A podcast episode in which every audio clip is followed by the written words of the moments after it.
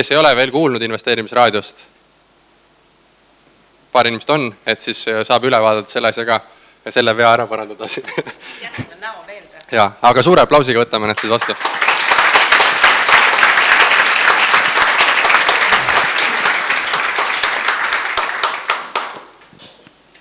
Marko, mul tuli mõte, et äh, see investeerimisfestivali megainvestori pilet äh, võiks nagu koosneda et väike osa sellest on äh, portfell, mis te annate kaasa, näiteks mingisugune kaheksasada grammi Baltikat või latt Tallinna vett. see nagu võib-olla mo-.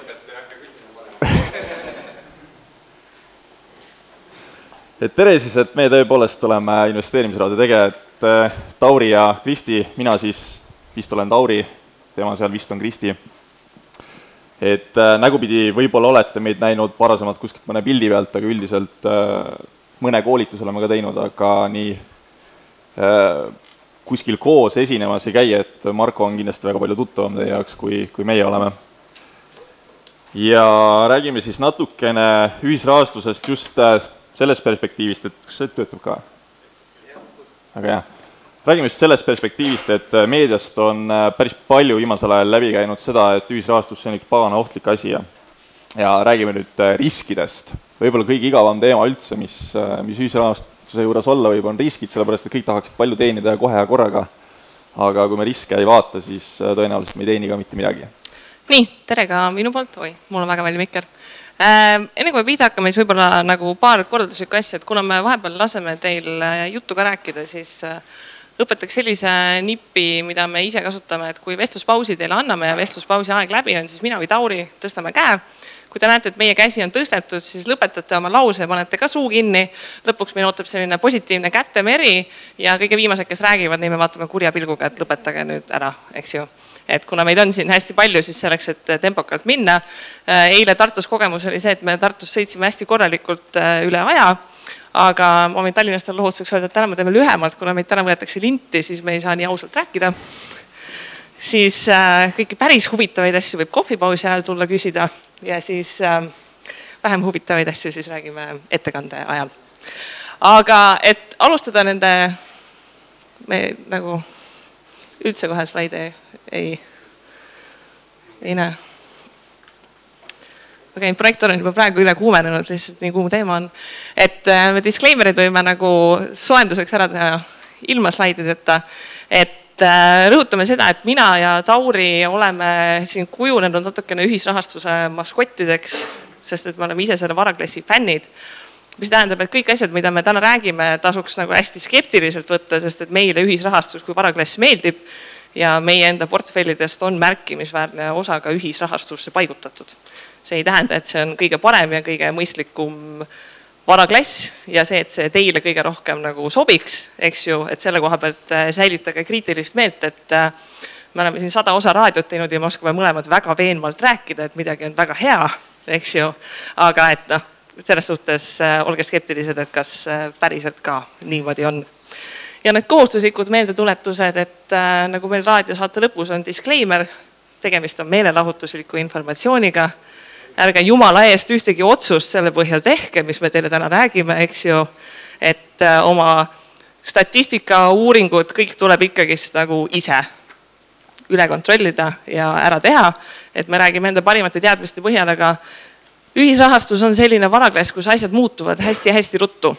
et et äh, kui me midagi praegu räägime ja noh, kui ta võetakse linti ja keegi lindist seda vaatab kahe kuu pärast, siis selleks hetkeks mõni portaal on juba midagi ära muutnud. et tuleb kogu aeg kontrollida, et see on selle varaklassi ilu ja võlu. et üks põhjust, miks ühisrahastuses praegu saab ilusat tootlust, on seesama, et sa pead olema rohkem kaasas asjaga, uurima, puurima, jälgima, et mis tegelikult toimub sellepärast ka igasuguste ühisrahastusteemaliste raamatute kirjutamine on problemaatiline, et kui sa selle ära kirjutad, siis äh, sa jõuad põhimõtteliselt algusest lõpuni, hakkad lugema seda, siis kõik info on vanaks läinud juba, sul ei ole sellega midagi teha, sellepärast et äh, see turg ei ole selles mõttes äh, ühe koha peal seisev, vaid ühisrahastus liigub. Ja platvormid liiguvad kaasa, kes rohkem, kes vähem. Ja need ärimudelid ka muutuvad. Mistõttu siis kogu see teema, te peate ise küllaltki tugevalt silma peal hoidma ühisrahastusel, kui te tahate nagu aktiivselt asjaga tegeleda. Jah, ja sellega lausa ütleme ka ära, et teie rahast kõige rohkem hoolite teie ise, eks ju, ehk siis otsused tuleb ka täitsa ise teha. millest me tahaksime võib-olla alustada, on see, et noh, kõik enam-vähem teavad, mis asi ühisrahastus on ja, ja kuidas ta toimib, aga me tahaksime nagu korraks nagu rõhutada üle, et et mis on ühisrahastuse puhul praegu üks probleem, mida me näeme, ongi see, et noh, ühisrahastuses on ilusad tootlusnumbrid ja säravad portaalid ja võib-olla sellist nagu noh, natuke sellist haipi, eks ju, et tegemist on sellise väga ägeda asjaga väga palju. ja siis inimesed väga nagu ei süvene, et millega on reaalselt nagu tegemist, et, et kellelt võetakse turuosa, mis see reaalne ärimudel on, eks ju, et mis tegelikkuses toimub ähm, ühisrahastuse puhul hästi sageli inimesed on arvamusel, et ühisrahastus on konkurent pankadele. reaalsuses on äh, see, et äh, pankadel on ühisrahastusest suhteliselt savi.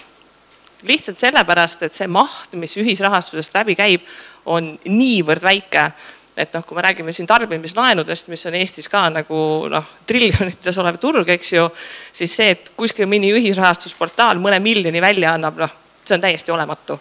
et ükskõik kui suureks ühisrahastus läheb, siis Swedbank ei hakka kartma, et neilt võetakse nagu mingit turuosa ära et reaalsuses käib selline väike omavaheline nagu maavõistlus igasugustel alternatiivsetel krediidipakkujutel. mitte ei ole see, et äh, me nüüd hakkame panku reaalselt üle võtma ja isegi kui see ühisrahastus meil siin sada protsenti aastas nagu viis aastat järjest kasvab, siis ikkagist ei ole pankadel nagu eriti põhjust millegi üle hirmu tunda. no õnneks Eestis triljonites äri ei ole, et äh, aga maailmas küll ja kui me näiteks mingisuguse võrdluse toome, siis hea võrdlus on see, et äh, JP Morgan Chase, niisugune tagasihoidlik Ameerika pank, börsil ka noteeritud, äh, tema kaks tuhat viisteist aasta käive oli kakskümmend viis miljardit dollarit, samal ajal siis kümme aastat tegutsenud, jah, kasum tähendab, vabandust. Äh, kümme aastat tegutsenud äh, Lending Club, kes on siis põhimõtteliselt USA suurim ja noh, kui me Hiina platvormi ei arvesta, siis ta on ka maailma suurim. on laenumahtu teinud kakskümmend kaheksa miljardit dollarit tänaseks, et ühel on kasum sama suur, kui teisel on senimaani kümne aasta väljastatud laenude maht olnud et see annab võib-olla mingisuguse võrdluspildi ette, et kus me tegelikult pankade ja ühisrahastuse võrdluses oleme. ja ma, ma nüüd ei näe, et homme oleks see päev, kus äh, pank oleks võrdne ühisrahastusega. aga mida ma näen, on see, et äh, kolm asja toimub tegelikult turgudel. üks asi on see, et äh, pangad, kes panevad ühisrahastust tähele, on väga aktiivselt ise hakanud seda asja ajama. näiteks Goldman Sachs, kes on teine USA suur pank, on siis tulnud oma platvormiga nimega Markus turule siis teine võimalus on täpselt seesama JP Morgan Chase, kes on siis äh, järgmise USA platvormiga On The Capital teinud koostöö vormis äh, sellise lähenemise, kus siis äh, JP Morgan Chase ise ei suuda kõiki neid, kes soovivad laenu võtta, eelkõige siis ettevõtteid, aidata ja nad saadavadki need kliendid OnDecki juurde ja OnDeck siis kontrollib ära, väljastab laenu niimoodi, et laenule pannakse kaks templit peale, et üks on OnDecki oma ja teine on siis JP Morgan Chase'i oma ja kolmas on siis sellised, kes äh, vaatavad ringi, et vot mis ühisrahastus, kui kohas, ja mm. pole näinud ega kuulnud Eesti kipub olema, noh, meil võib-olla ei ole mitte see, et vaadatakse, et ühisrahastus, mis asi, vaid Eesti pangad on ikkagist aktiivselt ühisrahastuse suhtes vaenulikud. et see on väga selge, ühisrahastuse puhul ainukene aktsepteeritav ühisrahastus, mida pangad tolereerivad, on äh, siis äh, osaluspõhine varajaste ettevõtete läbi ühisrahastuse rahastamine. ühisrahastusest laenu võtmine ühele ettevõttele näiteks on edasiste pangasuhete koha pealt suhteliselt surmaotsus et kui sa võtad ühisrahastusest laenu ja pärast seda tahad minna panka, et laenu peale võtta, siis praegusel hetkel ikkagist mitmed pangad väga konkreetselt ütlevad, et ähm, ei, see on siin mingi kahtlane värk, tegelete siin mingite kahtlaste asjadega. et äh, Eestis sellist äh, noh, nii selline tore fintech ja arenguriik, kui me oleme, siis äh, noh, ühisrahastuse puhul kui ka vaadata meedia nagu kajastust, siis äh, nüüdseks olles viis aastat ühisrahastusse investeerinud, ma võin jätkuvalt öelda, et mina ei ole siiamaani Eesti meedias näinud korralikult tasakaalustatud positiivses võtmes artiklit ühisrahastuse kohta. Neid on siiamaani olnud nagu täpselt null. ja noh, siin tekib see küsimus, et noh, kui nüüd nagu asi siis nagu nii halb on, et mitte ühtegi positiivset artiklit kirjutada ei saa, et kuidas siis tegemist on nagu reaalselt nagu varaklassiga, kuhu inimesed investeerivad ja väga õnnelikud on, eks ju. et noh, siin on, siin on selline huvitav küsimus kes teab. tegelikult äh, õnneks jää on selles mõttes ikkagi sulanud, kui me vaatame Crowd Estate'i, mis on siis kinnisvara ühisrahastusplatvorm, siis äh, tema teeb päris palju ka koostööd pankadega ja eelkõige LHV-ga. et äh, sellised võib-olla väiksemad pangad Eestis on need, kes on selle ühisrahastuse poolt, suuremad millegipärast on võib-olla jah, natuke rohkem vastu. aga noh, loodame, et asi läheb seal ka paremaks. Täna me siis keskendume, kuna ühisrahastus jaganeb suures pildis kaheks, üks on rahalist kasumit maksimeeriv ühisrahastus ja teine on sotsiaalset kasumit maksimeeriv ühisrahastus, siis meie kui investorid, kes paneme raha sisse, tahame raha välja ka saada mingi hetk, siis me vaatame ikkagi rahalist kasumit maksimeerivat, ehk siis for profit ühisrahastust et me ei keskendu täna Hooandja, Kickstarter, Kiva, Indiegogo, GoFundMe ja, ja mis iganes platvormidel maailmas olemas on, neid on palju, nende tegevusele, sellepärast et see on äge, kui me saame kultuuri arendada, aga tõenäoliselt ei tulnud täna siia selleks, et kuulata, et kuidas kultuuri arendada. Te tahate teada, kuidas raha saaks kasvatada ja me räägime põhimõtteliselt äh, kolmes osas, et kõigepealt äh, me alustame sellest kõige hirmsamast äh, riskid, et me räägime kõik võimalused ära, kuidas siis on võimalik rahast lahti saada, ühisrahastuses on neid keskmisest varaklassist natukene rohkem. siis me teeme sellise portaalide ülevaate sellises hot or not formaadis, et mis on investorite seas kuum ja mis ei ole. ja natukene räägime nendest põhjustest, miks nad on, miks nad ei ole ja, ja siis läheme selle strateegia küsimuse juurde, kus võib eile Tartu kogemuse koha pealt öelda, et inimesed olid kuidagi pärast, äh, nad alguses olid väga kindlad, et neil on strateegia ja plaan, kuidas nad ühisrahastusse investeerivad ja siis koolituse lõpus nad konstateerisid, et äh, tegelikult on ikkagist see kõhutunne on ikka siiamaani nagu see kõige suurem abimees olnud ja nagu reaalsuses, kui nüüd nagu mõõtma hakata ja strateegiat nagu analüüsima, et siis läheb veidikene keeruliseks. aga mis siis ühisrahastuse puhul nagu fundamentaalselt oluline, millest aru saada, on see, et kuidas need ettevõtted, mis ühisrahastuses vahendusega tegelevad, raha teenivad, eks ju. see klassikaline mudel, et sina viid panka raha hoiusele, saad üks protsent intressi, eks ju, pank teisest uksest annab viieteist protsendiga laenu välja, on kõigil tuttav siis see ühisrahastus on nagu mudelina vahepeal tähendab seda, et sina investorina annad siin suurusjärgus a la viis kuni viisteist protsenti raha välja. portaal ise võtab sealt sõltuvalt portaalist suurusjärgus viis kuni kümme kuni kakskümmend viis protsenti endale, eks ju. ja selle kumulatiivne tulemus on siis see, et mille lõpuks äh, intressina maksab see laenuvõtja kinni ja miks on see oluline aru saada, et kust tuleb portaalide enda raha, on see, et see on fundamentaalne küsimus, et kui jätkusuutlik see varaklass üldse on sellepärast, et kui iga portaal teenib raha mahu pealt, eks ju, mida rohkem ta annab projekte välja, mida rohkem ta annab laene välja, seda rohkem on tal võimalik igasuguseid management fee'si, krediidianalüüsi tasusid, kõike muid tegelikult küsida. mis tähendab, et tuleb aru saada, et noh, portaalil on nagu kaks suhteliselt vastandlikku motivatsiooni. ühelt poolt tahetakse läbi lasta piisavalt kvaliteetseid projekte et inimesed tahaksid sinna investeerida, eks ju, nad tahavad olla piisavalt usaldusväärsed, piisavalt kindlad. samas teiselt poolt, mida rohkem raha läbi käib, seda rohkem raha nemad reaalselt teenivad. ja nüüd see, et kus nagu erinevate portaalide puhul see tasakaal on, eks ju, et kui palju kaitstakse nagu investoreid selles mõttes, et oleks nagu väga hea krediidimudel, kõik väga läbipaistev ja aus, versus see, et noh tegemist on praktiliselt kõikidel juhtudel startup idega, kellel on see siht, et noh, see year on year, aastast aastasse kasv peab sada protsenti olema, muidu investorid hakkavad ukse taga kraapima, et oot-oot-oot-oot, eks ju. ja mitte investorid nagu meie, kes paneme raha sisse, eks ju, vaid tavaliselt riskikapitali investorid, kes on nagu ettevõttesse ise raha panustanud. et äh, see, et siiamaani ei ole ükski portaal ise Eestis vastu taevast lennanud, on pigem õnnelik juhus kui pikaajaline reaalsus. lihtsalt sellepärast, et noh, see ei ole mõeldav, et meil järjest tuleb portaale kogu aeg juurde. kõik suudavad suurepäraselt selle torust tuleva laenumahu käima saama, eks ju, et muudkui kasvavad, kasvavad, kasvavad. noh, mingi hetk sealt peab nagu pauk tulema.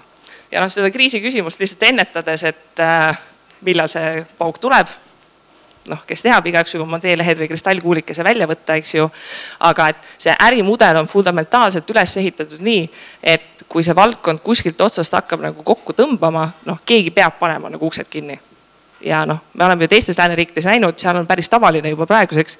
ühisrahastusportaal tuleb, teeb, tegutseb natukene, paneb uksed kinni, eks ju, et Eestis noh, see on aja küsimus või noh, Baltikumis aja küsimus, enne kui esimene neist läheb ja kuna see on töötuba, siis äh, teeme natuke tööd ka ja vehkleme, et äh, tõstke ausalt käed, kes siis investeerib täna üldse ühisrahastuses? päris palju käsi tõusis. Äh, kes teist on mõne aasta aruande läbi lugenud, et teada saada selle portaali, kus te investeerite, krediidiriski ja hinnata seda kuidagipidi?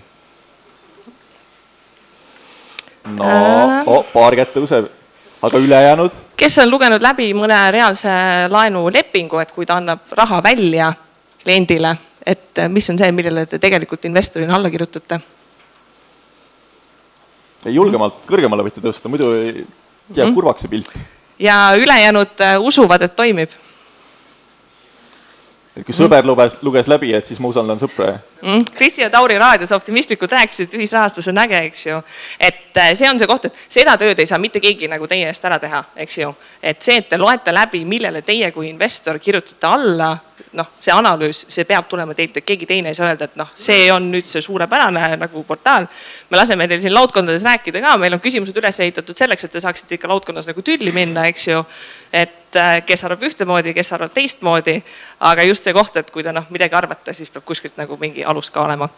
ja esimene hea koht, et teid siis tülli ajada, te olete sellist klassikalist graafikut, kus on risk ja tootlus omavahel suhtesse pandud, kindlasti näinud.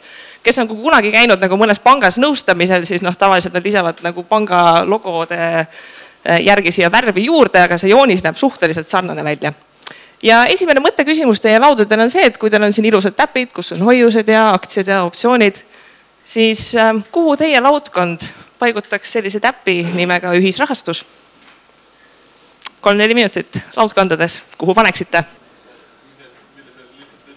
Nii, kui käsi on üleval, siis lõpeb ka lause, muidu pole mõtet tõsta, muidu on lihtsalt lehvitamine. nii, leppisid kõik laudkonnad kokku, et täpselt see on see koht, kuhu me selle punkti paneksime? enam-vähem. aga mis kõrvallaudkond ütles? kas kõrva, jah, kõrvallaudkond arvab teistmoodi Äh, kuhu siis võiks selle täpikese ühisrahastus siia panna? Aktsiafondist kuni optsioonini, ehk siis tegemist on väikeinvestorile praktiliselt kõige riskantsema kättesaadava varaklassiga. aga samas äh, päris paljud ühisrahastusplatvormid toovad välja, et sul on äh, kuskil pangahoiusel mingisugune summa, on ju, see teenib nii väikest hoiust, et äkki ta on hoopis tähtajalise hoiuse või investeerimishoiuse riskiga. jah, pakutakse ju buyback'i ja igasuguseid muid toredaid asju just pidi, Kristi just ütles, et lendab õhku, et nii et risk on suht suur mm. -hmm. väga hea, ehk siis aktsia ja optsiooni vahele. millise aktsia, kas siis äh, Tallinna Vesi, Arko Vara, Apple, Kaubamaja, Tesla, SMP 500 või?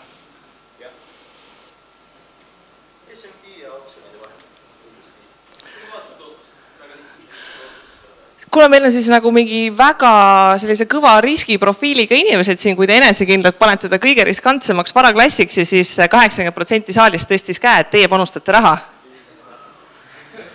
no selles suhtes nagu julge hundirind on rasvane muidugi, eks ju. aga noh, siis on nagu väga kõva riskiprofiil. Äh, selles suhtes, et aga te nõustusite selle koha pealt, et ta siia joone peale nagu kuskile peaks paigutama või? keegi kuskile mujale ei tahtnud panna? joonest ülespoole või allapoole mingi lärakas kuskile. nii, kus sa selle läraka paneksid? tuli kellelgi mingi teine mõte, näiteks see küsimus, et kas ta võiks äkki olla joonest ülevalpool või allpool? allpool, ehk siis äh, risk on võrreldes tootlusega liiga suur. sõltub, millest? portaalist. nii, mis portaali puhul siis sina meelest on risk palju suurem kui lubatav ja mõistlik äh, tootlusootus? Bondora, okei okay,, aga näiteks äh, Crowd Estate? samamoodi, et risk on kõrgem kui tootlus, okei okay.. võtame lätlased, Mintused Viino. kuhu need läheksid?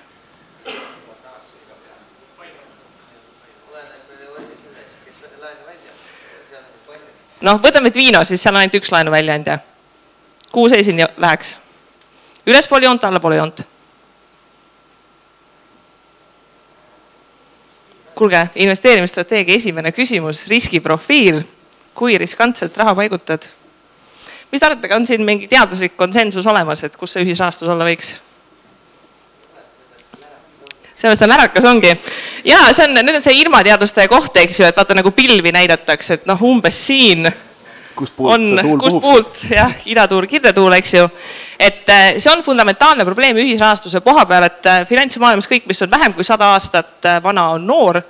ja ühisrahastuse puhul kümme aastat ajalugu tähendab seda, et tegelikult sellist väga korralikku riskianalüüsi, pikaajalist statistikat ja kõike muud on lihtsalt väga vähe. Kui me võtame näiteks teadustööde hulka, mida on kirjutatud ühisrahastuse kohta, siis Eestis neid ülikooli lõputöid on siin kindlasti alla kümne, eks ju, et noh, isegi kui sa tahaksid, et ma tahan nüüd mingi korralikku teaduslikku analüüsi lugeda, noh, siis sul ei ole tegelikult mitte kuskile minna, et seda teha, eks ju. ja see koht, et kui sa siia joonisele hakkad ühisrahastust nagu paigutama, noh, praegusel hetkel, kui vaadata nagu viis aastat tagasi, siis selgelt enamus portaale tegelikult on joonest ülevalpool. et nad on pakkunud tegelikult ikkagist väga kõva tootlust mis on üks põhjus, miks ilmselt enamik teist ühisrahastustega investeerima hakkasid. sellepärast, et tootlusnumbrid, mida inimesed nagu blogis kirjutasid, et noh, teenisid nii ja nii palju raha, tundusid ahvatlevad, eks ju, et tahaks ka nagu raha sisse panna. et see on nagu enamike inimeste motivatsioon.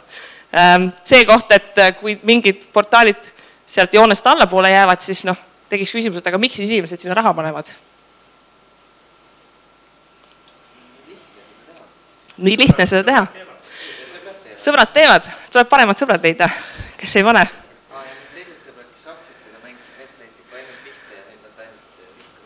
Aa, et teised asjad on nagu veel hullemad, et siis nagu olen vähemalt ühisrahastusse, et noh.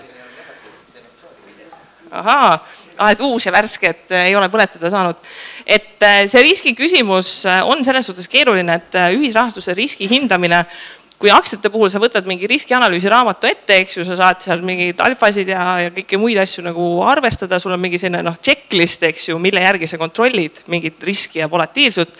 Siis ühisrahastuse puhul, kui sa hakkad seda tegema, siis äh, tuleb hästi palju hägusat juttu põhimõtteliselt, et kuidas siis hinnata, et kas üks portaal on riskantne või ei ole riskantne ja siis on see koht, et kui tahaks nüüd nagu järjestada neid portaale kuidagi, et mis on nagu kõige riskantsem ja mis on kõige vähem riskantsem, siis äh, noh, kui me siin saalist üritaks nagu konsensust saada, et mis on kõige riskantsem portaal. mis te arvate, suudaksime kokku leppida?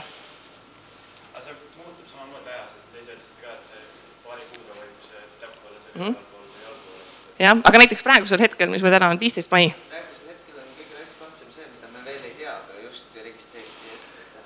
ahah et see must luit, mis kuskilt tuleb, aga me veel ei teagi, et see olemas on, eks ju. see on see kõige riskantsem. et äh, selle riskide koha pealt, äh, noh, ühisrahastuses see riskide list on paratamatult pikem kui mujal ja noh, riskide puhul on see fundamentaalne koht, et äh, on mingid riskid, mida sa saad ise juhtida ja on mingid riskid, mida sa tegelikult ise juhtida ei saa, sa saad olla lihtsalt teadlik, eks ju.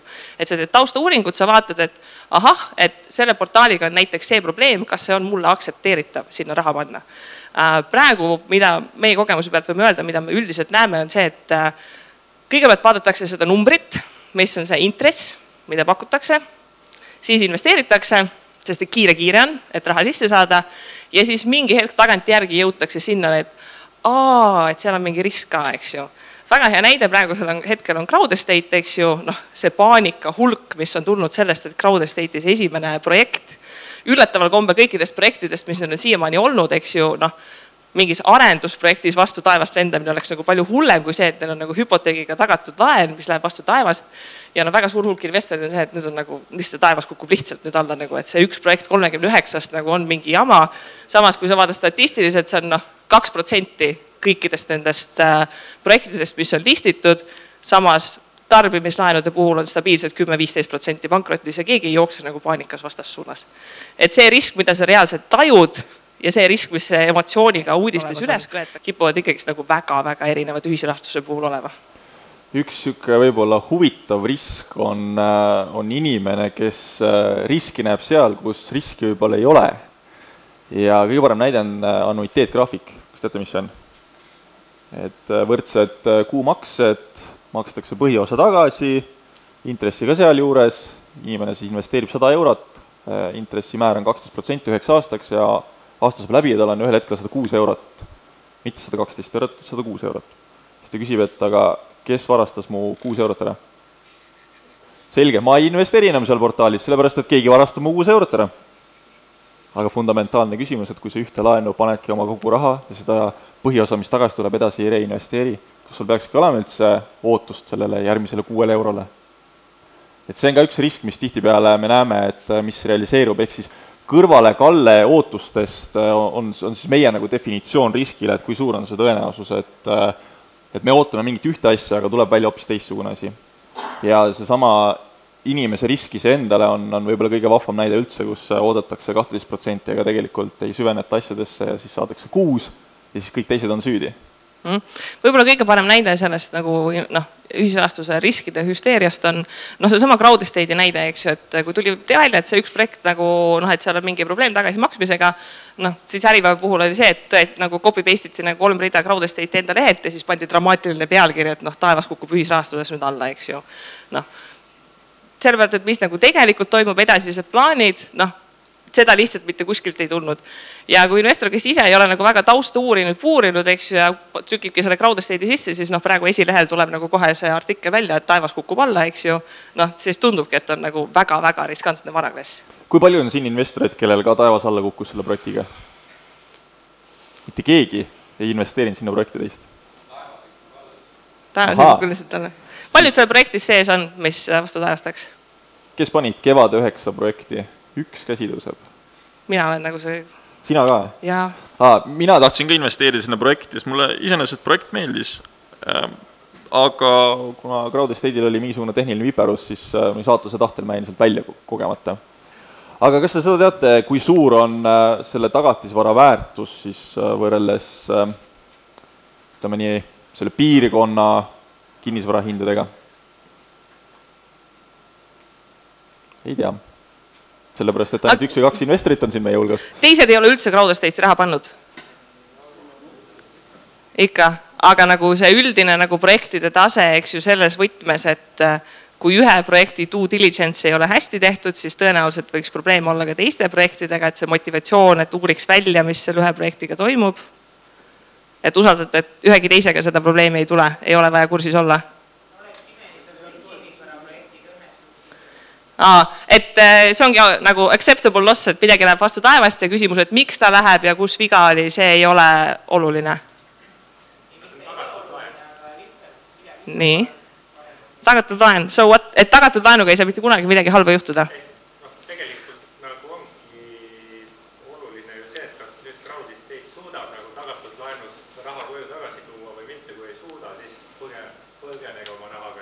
kui palju te peaks suutma raha tagasi tuua? Kõik või? aga see kehtib kõikide tagatisega laenude puhul, näiteks estate guru puhul on teil ka õigustatud ootus, et kõikidel laenudel tuleb raudselt sada protsenti tagasi, sest et tegemist on hüpoteegiga laenudega? põhiosa võiks tulla.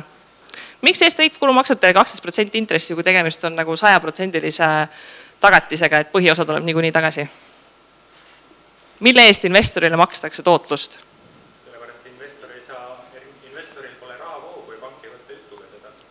Mm. -hmm. aga selline asi nagu riskipreemia, et teile nagu makstakse tootlust selle eest, et seal ikkagist nagu mingi risk on sees, et asjad võiksid valesti minna. ei ole, ei ole. selline huvit-, ütleme huvitav tõlgendus tegelikult Tõnu loogika on väga õige ja kui ta on äh, nüüd seda projekti vaadanud, siis mul tekkis küsimus, Tõnu, miks sa ei investeerinud, et äh, kus ma al-. selge, see oli niisugune jah, kahesaja tuhandene kiire, kiire korralik töö, kus viie minutiga tõmmatakse raha kokku, eks ju, et kui palju seal üldse hinnata saab midagi.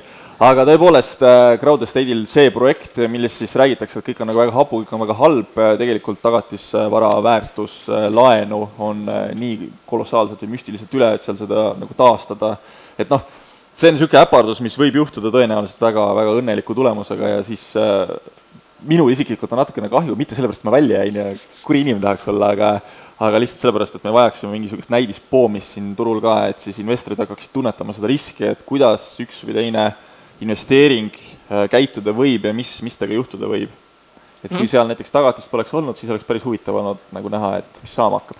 ja, ja noh, ühesõnaga see pauk oleks võinud vaata käia kaks kuud varem, et äh, kes mäletavad, siis kaks aastat tagasi Peeter Pärtel tegi video äh, kinnisvara ühisrahastuse kohta, kus ta hästi dramaatiliselt ütles, et kahe aasta jooksul, kes panustavad kinnisvara ühisrahastusse, kindlasti jäävad rahast ilma ja kõik on nagu täiesti lootusetu, mille peale siis investorid jälle läksid paanikasse ja hästi palju kirju tuli kõikidele inimestele, et Peeter Pärtel ütles, et nüüd tuleb pauk, et kas nüüd tuleb maha müüa.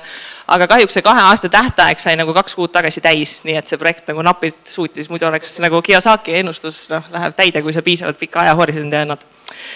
aga riskide kohal et noh, see reality check, eks ju, et kui suur see risk on ja ühisrahastuse puhul on see probleem, et need riskid ei ole väga hästi numbriliselt mõõdetavad ja see, et äh, kuidas sa mingit riski hindad, on selles suhtes problemaatiline, et noh, sa võid endal teha mingi ühest viieni skaala või mida iganes muud põnevat, eks ju, ja valemeid välja nagu leiutada. aga noh, reaalsuses nagu sellist täpselt mõõdetavat, ühesugust võrreldavat tulemust kaks investorit ei saa. ja osade riskidega, nagu me tõime välja, on oluline just see, et sa oleksid neist teadlik ja sa selle põhjal teed otsuse, selline jah-ei, eks ju, kas sa selle portaali valid. sa ise otseselt midagi teha nende suhtes ei saa ja kõige esimene risk, mis tegelikult noh, kõige rohkem saab tähelepanu õigustatult ka, on seesama krediidirisk ja krediidirisk mitte selles lõikes, et kas üks konkreetne individuaalne projekt läheb vastu taevast, noh selle Crowdestati näitel. või see, et see üks individuaalne Mari, kes võtab laenu, et tema ei suuda ära maksta, vaid sinu fundamentaalne usk sellesse, et see portaal omab hästi toimivat krediidimudelit ja nad suudavad adekvaatselt projektidele määrata intressimäära ja selle expected loss'i ehk siis tõenäosuse, et see projekt ebaõnnestub. miks on see, ma kasutasin seda sõna usk, sellepärast et sina väikeinvestorina tegelikult sisuliselt ei saa kontrollida seda, et kui pädev nende krediidimudel on, välja arvatud see, et sa noh, viis aastat nagu vaatad minevikku, et ahah, et selle krediidigrupi või selle intressilaenud, eks ju, et kas nad reaalselt vastasid tõele Äh, hea näide on siin Bondora, kellel on üks kõige keerulisemaid krediidimudeleid. Nad annavad ka väga palju infot välja ja noh, Bondora puhul läbi aegade on igasuguseid huvitavaid analüüse kirjutatud, mille põhjal investorid on igasuguseid dramaatilisi asju teinud. siis äh, probleem on selles, et kõikidest nendest asjadest, mida nad annavad välja, nad ei anna välja kõiki tegureid, mida nad oma krediidimudelis kasutavad ja nad ei anna välja osakaale, et kui oluline mingi element on kui nad selle välja annaksid, noh, see oleks nagu ärisaladuse väljaandmine, et annad kellelegi teisele tööriistad kätte, eks ju. ja, ja seesama probleem, et petturid saaksid kohe vaadata, et ahah, ma pean olema sellise profiiliga, et sealt saada sellise intressiga laenu kätte. aga milles probleem on see, et kui sina tahaksid nagu testida ja noh, mingit loogilist valikut teha, et ma valin nagu keskmisest parema riskiprofiiliga inimesi, sul ei ole seda võimalik teha näiteks ühel hetkel üks elementist, mis oli Pandora riskimudelis see, et millise internetibrauseriga sa laenu taotled et kes kasutasid Safarit, tõenäoliselt siis Apple'i toodete kasutajad, et nemad siis tõenäoliselt natukene usaldusväärsemad, eks ju. rikkamad. Rikkamad. see on selline asi, mida sulle datasetis ei anta kätte, eks ju, millise brauseriga ta tuli laenu taotlema ja, ja sul ei ole võimalik selle põhjal nagu noh, mingit analüüsi teha, eks ju, et kas ma nüüd võtan või jätan Ähm, Bondora puhul on see, et nemad annavad neid tähti, eks ju, noh, suhteliselt lai valik.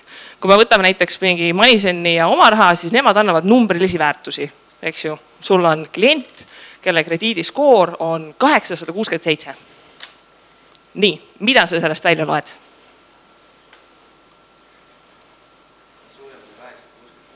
Suurem kui kaheksasada kuuskümmend kuus ja kui sul on kaks inimest kõrvuti, üks on kaheksasada kuuskümmend seitse, teine on kaheksasada kuuskümmend kuus, eks ju, et noh kas sa annaksid neile sama intressiga laenu?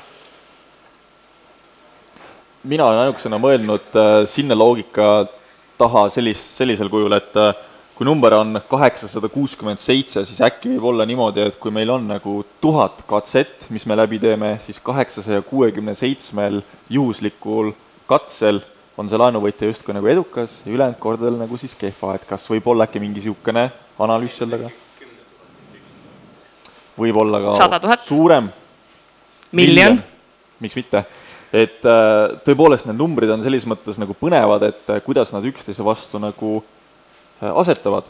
ja kas me saame üldse võrrelda Bondora AA-d järgmise portaali üheksasaja üheksakümne üheksaga, ma ei tea, kas tuhandet keegi annab välja? vist annab. Oma rahas on tuhandet küll, jah.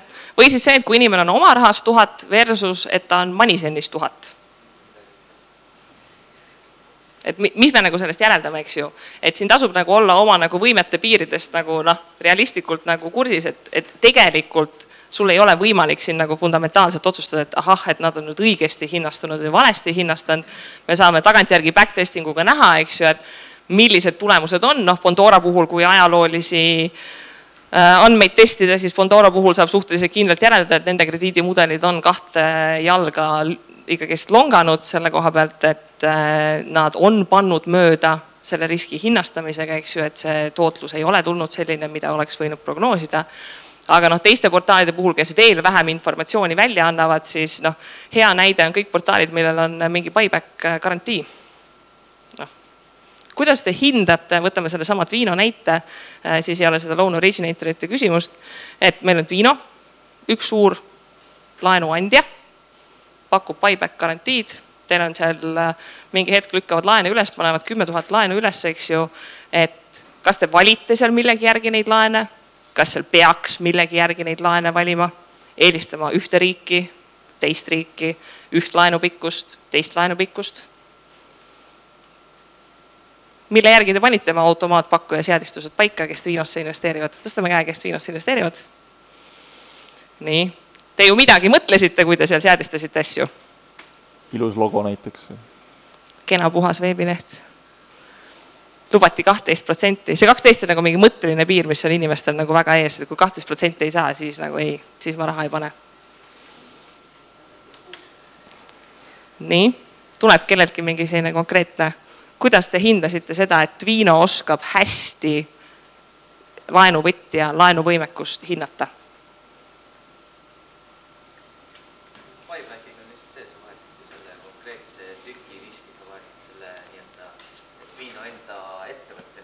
mm..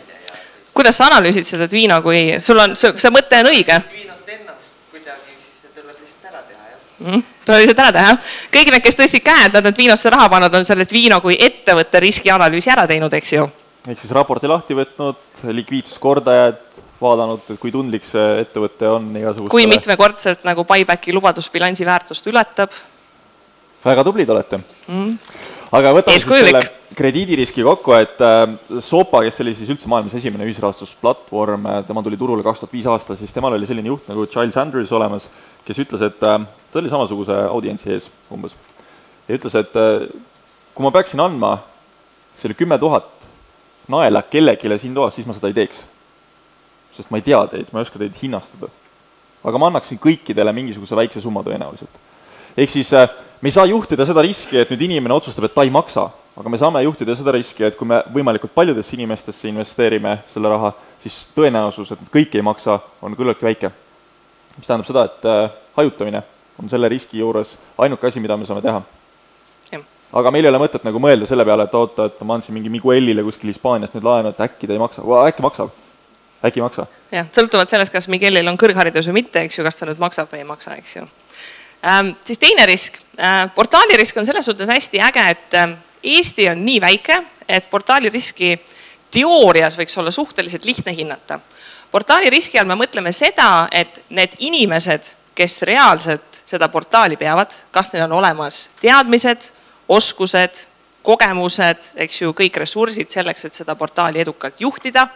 Nad tulevad välja rasketest olukordadest neil ei ole minevikust igasuguseid patte all, eks ju.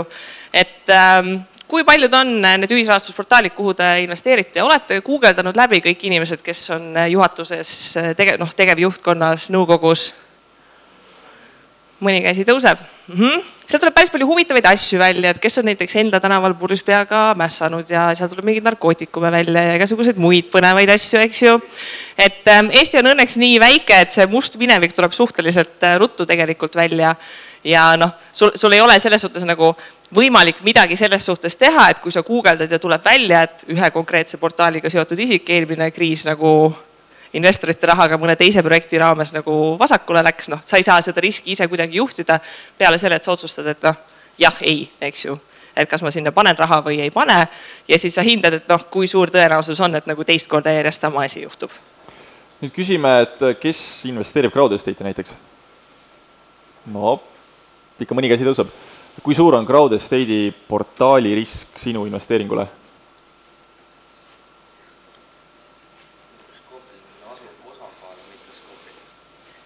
Osakaal no, võtame siis kok-, äh, ühe, mingi projekt läheb töösse, kui suur on crowd estate'i risk sellele projektile? kui suur on risk projektile, platvormil? platvorm läheb pankrotti, mis siis juhtub? just. siit tuli tegelikult õige vastus juba välja, et crowd estate Crowdestati platvorm ei ole kuidagi seotud sinu lepingutega, et äh, Crowdestate kasutab SPV lahendust, mis on special või single purpose vehicle ehitatakse iga projekti jaoks ja sina paned oma raha sinna, ehk siis äh, kui see inimene, kes seda juhib, seda projekti on nagu lead investor seal sees, üldiselt on Crowdestate ise olnud, ehk siis Loit või, või siis äh, Imre või siis Märt Meerits, kes on nende meeskonnas et kui nemad kontrollivad, äh, kuidas seda raha kasutatakse, kui sa neid inimesi nagu selles mõttes usaldad, siis on kõik hästi, aga kui see asi läheb nagu suuremaks, SPV-d kasutavad ka täna näiteks Funderbeami äh, inimesed, kus siis äh, seal on lausa lead investoriks või, või lead manager'iks on äh, võib-olla isegi Funderbeamiga mitte seotud inimene. nii et tegelikult selle portaali enda risk sellele projektile ei pruugi olla nagu üldsegi märkimisväärne, et kui Crowdestate läheb pankrotti, siis tegelikult äh, meil investoritena ei ole sellest sooja külma, meil on äh, sooja külma sellest, kas see Crowd Estate äh, ma ei tea, Kevade üheksa SPV OÜ, mis iganes seal taga oli, et kuidas sellega nüüd käitutakse? Jah, ja see küsimus, et kuidas siis selle konkreetse projekti või laenuraamatuga käitutakse, see on nüüd siis see katastroofi stsenaarium, millega investor peaks olema kursis. Äh, näiteks Bondora puhul, kuna Bondora meil siin krediidiandja litsentsi kadaliku läbi käis Äh, siis äh, mis on worst case stsenaarium Bondora puhul, kui Bondora ise ettevõttena paneb pillid kotti, mis juhtub Bondora laenuraamatuga?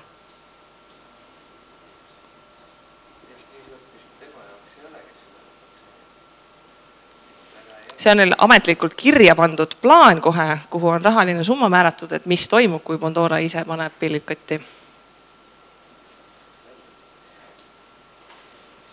hmm?. mis juhtub siis, kui näiteks Mintos pankrotti läheb?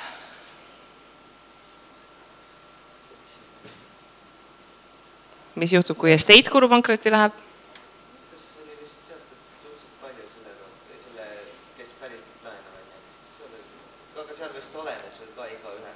Olenes veel ka igaühega mm. -hmm. ehk siis see küsimus, et äh, te olete sinna raha sisse pannud, eks ju, seda fakti võiks nagu ilmselt konstateerida, et noh, on ikkagist tõenäosus, et midagi võib ju selle portaaliga juhtuda, siis investorina oleks mõistlik olla kursis, et mis siis nagu edasi saab, eks ju äh, suurte puhul, Mondora puhul on see, et neil on reaalselt ametlik lahendus, neil on isegi konkreetne kokkulepe, milline inkassofirma peaks võtma minu meelest selle laenuraamatu äh, halduse üle osadel portaalidel sellist varianti ei ole, seal on see koht, et kui portaal ise läheb vastu taevast, siis investorid põhimõtteliselt võivad kamba peale raha kokku klappida ja palgata kellegi seda laenuraamatut haldama näiteks. aga see on küsimus nagu noh, millega tasuks sul investorina ikkagist nagu kursis olla, et kui on see kõige hullem juhus, et noh, sina ise ei lähe nagu kümne euro kaupa nagu oma viiesaja laenutüki käest nagu küsima, et kuule, et ma andsin siin ka nagu kümme euri, et tahaks ka midagi tagasi saada, eks ju. seal peab mingi süsteemne lahendus taga olema. praeguseks enamikel portaalidel nagu mingid riskistsenaariumid on olemas, aga mõned on sellised eriti värsked ja uued. Äh, nende puhul on see, et äh, vaatame, mis saab, kui siis midagi nagu kehvasti läheb, mis nagu investorile võib-olla peaks ikkagist natukene nagu muret tekitama, et äh, noh, kunagi tahaks selle raha ikkagist nagu kätte saada oma raha on suhteliselt veendunud oma ärimudelis, et need ei lähe vastu taevast aga oma rahal on olemas oma tagatisfond, mida tegelikult annab vajadusel rakendada selleks, et.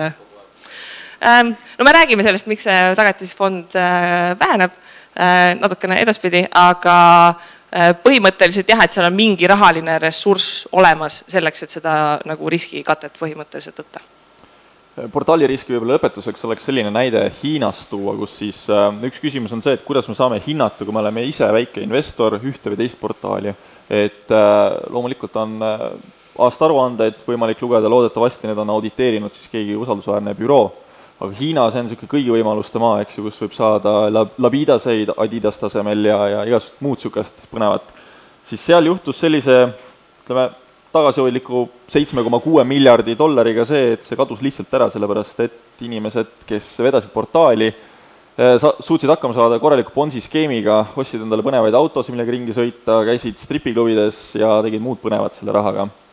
Eh, viis protsenti oli siis see raha kogu sellest seitsme koma kuuest miljardist, mis siis tegelikult laenudesse pandi, ülejäänud siis nagu maksti eh, juba peale tulnud rahale uuesti nagu raha välja ja kui see asi hakkas nagu väga nagu käest ära minema, siis ühel hetkel vennad mõtlesid, et okei okay,, paneme selle butiigi kokku ja lähme kaevame linna äärde kuue meetri sügavusele oma dokumendid maha kõik.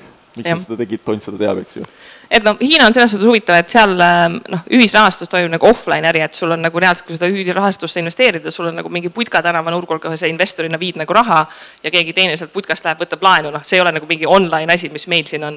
Äh, aga et mitte tunda, et me nüüd oleksime siin nagu tehnoloogiliselt väga ägedad, siis noh, te, kes Tvinos Mintases siin investeerivad, ilmselt panustavad rahuga erinevatesse Gruusia kiirlaenuettevõtetesse, eks ju. siis mis te arvate, et Gruusias nüüd inimesed kodus internetis ID-kaardiga identifitseerivad ja laenu võtavad või? ei, seal on täpselt samamoodi mingid füüsilised kontorid, kus inimesed käivad laenu võtmas, eks ju, meie lihtsalt näeme IT-süsteemis seda nagu väga ilusalt, eks ju, et meil on siin selline kontroll. ja, ja ei ole üldse selles suhtes probleem nagu, et, et Hiina kui kaugelt, noh, meil on Rootsist näide võtta, Trustbuddy oli börsil noteeritud ettevõte kus ka vahetus juhtkond ja siis tuli välja, et ups, et meil on viis miljonit eurot kuskil korstnas noh, eeldaks, et börsiettevõtte puhul selline asi nagu tuleks justkui välja, aga tuleb välja, et on võimalik, et ka börsiettevõtte puhul ei tule välja, et ups, natukene raha kadus ära. võib-olla siis küsin, et kes investeerib Mintosesse just lennulaenudesse, on siin mõni sihuke investor? nii, ei, buyback on olemas, võin öelda ja Gruusia lühiajaliselt buybackiga. aga kas sina siis tead, kui mitu kontorit on Lendol olemas seal Gruusias või kas nad annavad online või offline laenu või? Ei tea, sa väljud. see on ka et... üks osa sellest riskianalüüsist, mis tegelikult tuleks ära teha, et eelnevalt, kui hakata investeerima, siis üritate aru saada, et mis on see ärimudel, mida nad nagu teevad, et äh, see Esupao näide on, on väga-väga põnev ja kui sa nagu vaatad seda, et võib-olla Gruusias käib ka sama asi, seal on muidugi kultuuriline erinevus on väga märkimisväärne, et äh, kui mõnes kohas on see, et sa oled tegija, kui sa võtad laenu ja tagasi ei maksa, siis Gruusias on see, et sa oled tegija, kui sa võtad laenu ja maksad tagasi. seal on default rate on nagu uskumatult madal Äh, nad saavad isegi vist alla kümne protsendi keskmiselt kiirlaenude kohta default'i, mis on ikka väga kõva tulemus mm..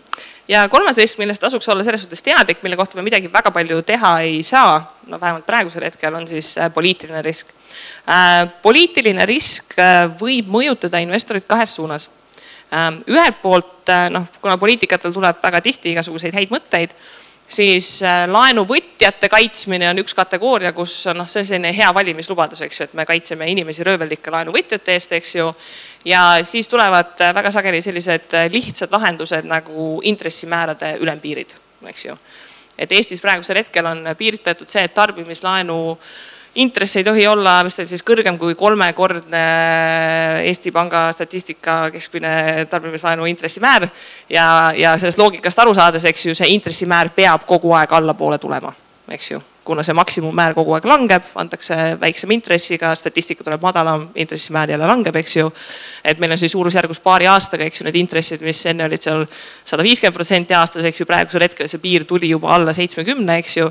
kes oma rahas investeerivad, siis panid seal tähele, et seal vahepeal keelati teatud protsendist kõrgemate automaatpakkujate seadistamine ära, sest öeldi, et noh, seaduslikult on see piir ees ja siis üks hetk on see olukord käes, kus äh, täiesti niisugune nii-öelda tavapärane inimene tänavalt ei saa enam laenu, sellepärast et tema risk on võib-olla mõne iseloomustaja tõttu natuke kõrgem, olgu ta siis näiteks ettevõtja või tal ei ole nagu konstantset palgatulu või mis iganes, kuidas riski mõõdetakse, tal ei ole seda Apple'i arvutit, käibki mingisuguse teise arvutiga, eks ju, laenu taotlemas. ja talle määratakse märksa kõrgem intressimäär, kui tegelikult äh, riik lubab välja anda. et kes siis võidab sellest, et kas see inimene, kes siis tõenäoliselt täna on see, et okei okay,, mul on nüüd kiiresti raha vaja, mul on see asi korda vaja teha ja ta ei saa seda raha või siis, et oh, me oleme selle ära teinud, me tõime, ma ei tea, Eesti Raudtee Eestile tagasi, nüüd me tõime ka intressimäärad alla, et, et äh, tundub niisugune väga huvitav lähenemine, aga sellist äh, inimese kaitsmist tegelikult tehakse päris palju poliitikas ja üks, üks selline kaitse toimub äh, Leedus, kus siis investoreid ka arvatakse, et sa ei tohiks nagu investeerida, sellepärast äkki sa saad kahju. aga samal ajal sa võid minna poodi ja kaheliitrised õlles ja osta nii palju, kui tahad, kogu palga eest on sul näiteks kümme tuhat eurot kuskil, siis palun mine osta. suitsu samamoodi võid osta, aga kui sa investeerid, siis äkki sa teed liiga endale. Mm.. et see on põhjus, miks Leedust ühisrahastusuudiseid ei tule, et neil vahepeal läks selline huvitav regulatsioon läbi, et äh, inimene võis investeerida ühisrahastusse maksimaalselt viis tuhat eurot. Äh, sellepärast, et tuleb ikkagist inimesi kaitsta, et äkki nad teevad mingeid rumalaid otsuseid.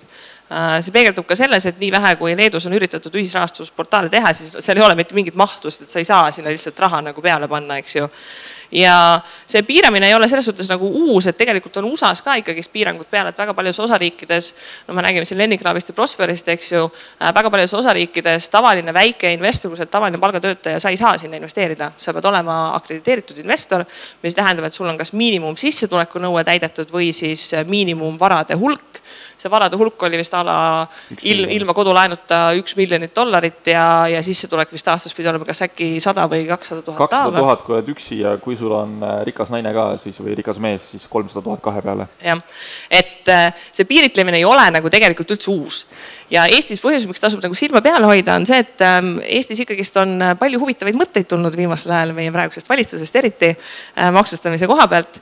ja, ja üks nendest küsimustest on, on ka see, et noh, äkki ikka natukene riskantne värk.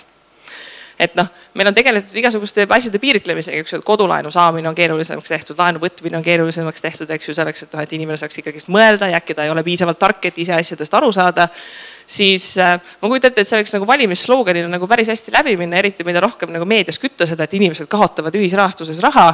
siis ühel hetkel keegi tuleb välja, et noh, et aga piiritleme ikka mingi maksimum nagu rahasumma seal ära, et palju inimesed võiksid panustada, et noh, see ei ole nagu üldse mõeldamatu eriti kuna Eestis on ühisrahastuse reguleerimisega jõutud sinna kohta, et portaalid ise tegid sellise asja nagu ühisrahastuse hea tava. Nad leppisid kokku nagu mingid põhimõtted, raporteerimine, läbipaistvus, igasugused asjad, eks ju ja noh, finantsinspektsioon vaatas, et väga tubli, keegi on juba osa tööst ära teinud. Äh, ja praegu on äh, tee sinna suunda, et hakatakse sellest soft regulation'ist siis seda niinimetatud hard regulation'it tegema, eks ju. ehk siis ühisrahastus hakkab saama seadusega ära reguleeritud äh, kogemus sellistes uutes valdkondades näitab, et kui väga vara hakata reguleerima, siis saab väga efektiivselt surnuks reguleerida ühe valdkonna. et seal ei ole selleks tegelikult palju vaja et äh, seal vastuhakkamiseks noh, investor kogukond siis äh, saab võtta sõna, et me ikkagist nagu tahaksime investeerida. nii et poliitilise riski kokkuvõtteks siis saab öelda seda, et kui te lähete näiteks USA-sse, äh, teil ei ole mitte sentigi, ostate Powerballi lotopileti, saate miljonäriks üks äkki, siis riigi silmis te olete nüüd nii tark, et te võite investeerida, palju õnne! ja noh, see poliitilise tahte küsimus, et igasugused huvitavad asjad võiksid toimuda noh, tuletan meelde, et Eestis on rohkem Riigikogu liikmeid, kes on ühisrahastusest laenu võtnud, kui sinna investeerinud, eks ju. et äh, noh, ma arvan, et see peegeldab väga hästi seda praegust olukorda. Ehk siis äh, need on riskid, mille puhul noh, meie ise, noh, me ei saa tegelikult midagi teha, me saame olla nendest teadlikud, me saame vaadata, et noh, kas see sobib meie riskiprofiiliga kokku, aga noh, sealt edasi midagi ära teha on suhteliselt keeruline. Mida me saame teha, on need kaks riski, mida siis investor ise endale tekitab, ehk siis äh, seesama portfelli risk ja psühholoogiline risk, mille annab äh, kokku võtta sellega, et noh, inimesed lihtsalt teevad halbu otsuseid. Ja põhjuseid, miks nad teevad halbu otsuseid, võib olla väga palju. üks nendest on teadmatus, sest et noh, sul ei olegi kuskilt mingit väga head kvaliteetset infot võtta. teine on selline, et emotsioonid käivad ikkagist nagu üle pea kokku noh, see, et issand jumal, kui ma praegu siia projekti raha sisse ei pane, eks ju, et siis ta saabki täis ja mis nüüd juhtub, et noh, siiamaani kõige parem äh, mõõdik, mille järgi ennustada seda, kas crowd estate'i projektid täituvad, on see, et kas see projekt on alla viiesaja tuhande euro kui on, siis ta tõenäoliselt täitub väga kiiresti, sellepärast et kohe, kui esimesed investorid raha ära panevad, siis see protsendi mõõdik ikkagist hakkab nii ruttu liikuma, et inimesed vaatavad oh,, teised panevad, eks ju, et äkki ma jään nüüd ilma, eks ju, ja hakkavad raha panema, liigub üha kiiremini ja see projekt saab täis, eks ju. et noh see, see hulk, kui palju nagu sinna analüüsi aega pandi, noh et siin on näha, et nagu Crowdestate on ise üritanud nagu noh, sunniviisiliselt aeglustada seda, eks ju, et sul on see eelmärkimise protsess ja tutvumise protsess. Mis tähendab seda, et sellel hetkel, kui eelbroneerimine hakkab, siis ikkagist koduleht jookseb kokku, sellepärast et millegipärast kõik vajutavad F5-te, eks ju, et tahaks nagu raha peale kanda.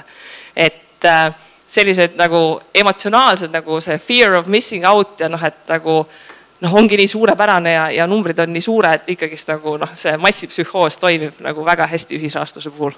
ja ilmajäämise hirm on see kõige suurem ilm tõesti.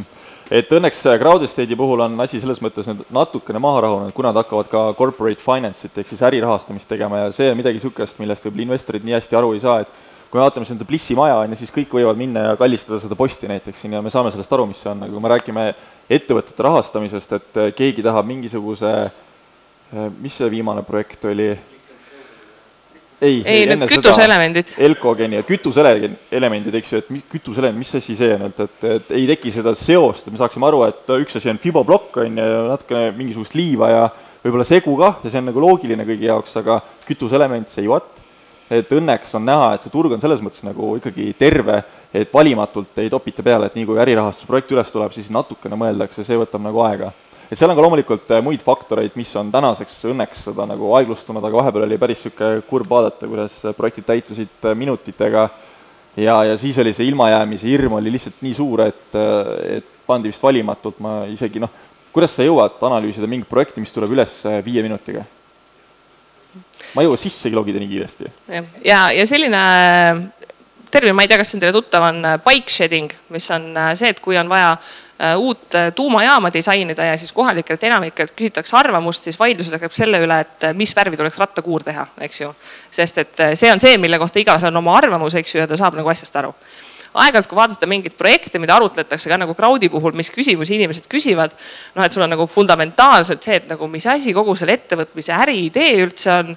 ja siis küsimus tuleb see, et aga selle dokumendi kolmandal leheküljel oli koma asemel punkt noh, ja siis on see küsimus, noh, et mida nagu inimesed reaalselt analüüsivad, et noh, meil on oma selline investor chat, kus me nagu erinevaid projekte arutame ja sageli mõne projekti puhul me pole nagu üldse veel jõudnud nagu süveneda ja aru saada, et milles ärimudel reaalselt seisneb ja siis vaatame, et ahah, et nagu viissada tuhat on juba nagu peale läinud. et äh, noh, see, see küsimus, et mis siis juhtub, kui ma sellesse projekti ei saa. midagi ei juhtu tuleb järgmine, eks ju, samamoodi ronge tuleb ka iga natukese aja tagant, eks ju, neid projekte tuleb ka. et äh, ei, ei tasu nagu selles suhtes selle hullusega kaasa minna ja noh, teine näide sellest äh, psühholoogilisest äh, sellisest markerist on see, et äh, hetke see kaksteist protsenti tootlust on nagu selgelt nagu mingi psühholoogiline piir inimestel paigas. ma ei tea, kas see on see pikaajaline aktsiaturgude kümme kuni kaksteist SB viiesaja pealt, mida nagu võetakse, et noh, praegusel hetkel, kui noh, inflatsioon on nullilähedane saada kaksteist protsenti madala, noh, pigem madala riskiga investeeringutest, noh. kas see, et kas sa saad üksteist koma viis või sa saad kaksteist, ei tohiks olla fundamentaalne vahe, eks ju samas Mintos on väga hea näide sellest, et aeg-ajalt, kui mõni laenupakkuja julgeb teha sellist asja, et ta kaheteist protsendi asemel paneb laene üles üksteist koma viiega siis milline andmine läheb kuskil foorumites kohe nagu lahti. mis mõttes siin on mingi röövkasu võtmine ja millega te siin tegelete, et investorid väärivad kahtteist protsenti, eks ju. et noh, kas seal taga on nagu mingi reaalne nagu analüüs selle riskitaseme kohta, eks ju. noh, üldiselt ei ole ma tulen korra selle Kristi koma teema juurde tagasi, et me peame väga hindama konteksti, kus me seda koma nagu võrdleme, et mõnes kohas on tegelikult väga oluline juriidilistes dokumentides eelkõige, et ähm, selline väike tagasihoidlik linnalegend nagu levib ringi, kus siis Rootsi kuningas pidi ka nagu mõistma siis äh, kohut ühe varga üle. Ja ega ta ei olnud just kõige targem kuningas. Ja tal oli selline lause antud nagu surra, mitte ellu. tal oli vaja üks asi teha, üks koma panna kaks võimalust on, kuhu seda panna. kas siia või siia. mis te arvate, kus tema pani selle? lõpp on ka hea, hea pakkumine, aga ma panen siia igaks juhuks siia märgi. ühesõnaga, tema eesmärk oli siis see, et ta tahab sellest vargast lahti saada, et tema kuningriik oleks nagu uhke, aga siis ta lihtsalt nagu sõi mingisugust liha seal ja rahvustas näppudega, ta pani siia koma. ehk siis surra mitte, sellel mehel ei tohi lasta, vaid ellu jätta ehk siis me peame hindama seda konteksti, et kus me parasjagu nagu toimetame, et mis on oluline ja mis mitte, et mõnes kohas on väga väike detail oluline.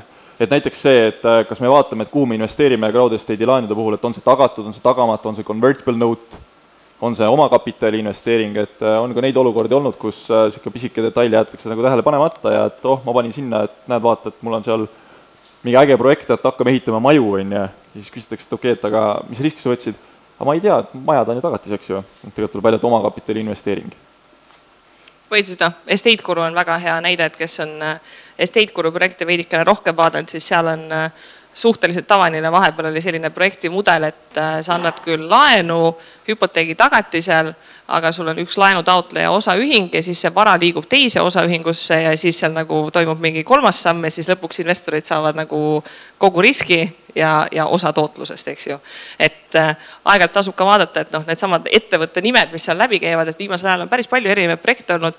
et kui sa ettevõtte nime inforegistrisse trükid sisse, siis seal tulevad ikkagist nagu suhteliselt suured mingid maksuvõlad ja inimesed, kellel on väga mitu hüüumärki juures.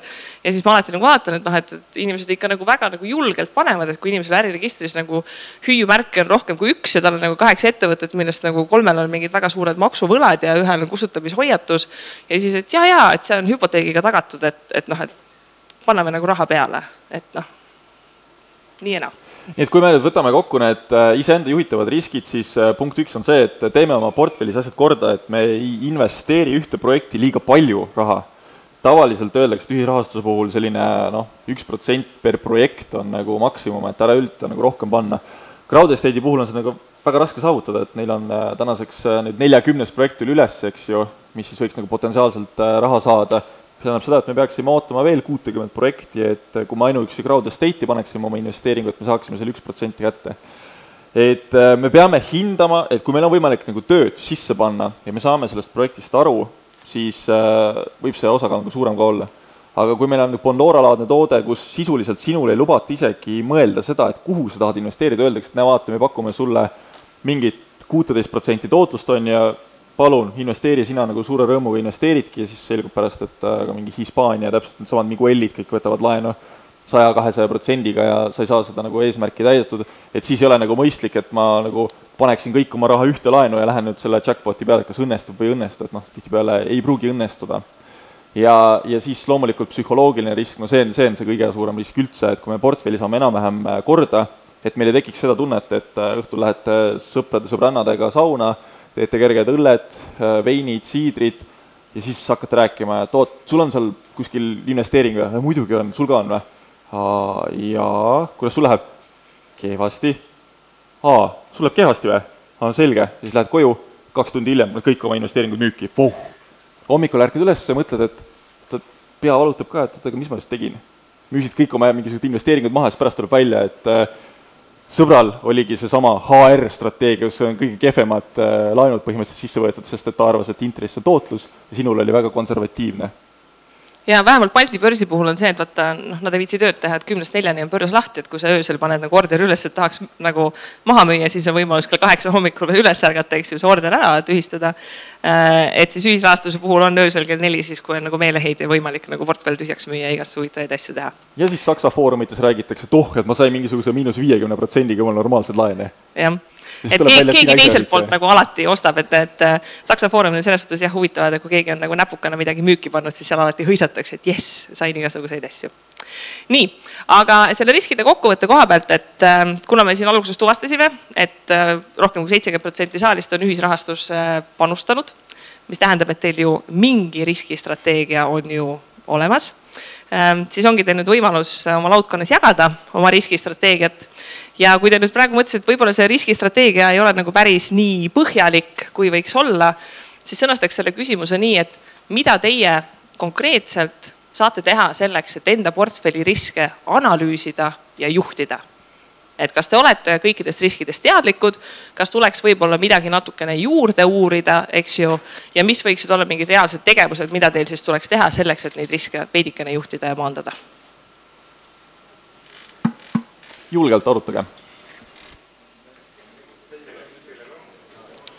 nii, ma sellest, et vestlus läks käima, oletan, et kõik said suurepärased riskijuhtimisstrateegiad paika, et mida nad siis, kelle majandusaasta aruandeid nad koju minnes kohe analüüsima hakkavad, eks ju millise portaali juhtkonda nad guugeldama hakkavad ja siis millised seaduseelnõud tuleks silma peal hoida.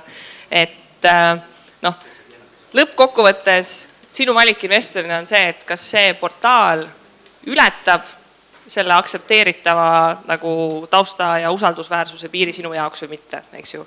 meil on neid portaale valikus väga palju, teises pooles me käime nad kiiresti läbi ka, eks ju. ei ole vaja igale poole raha panna, eriti kui sa ei usu sellesse, kui sa nendesse inimestesse ei usu, kui sa ei saa aru, kuidas see tegelikult toimib.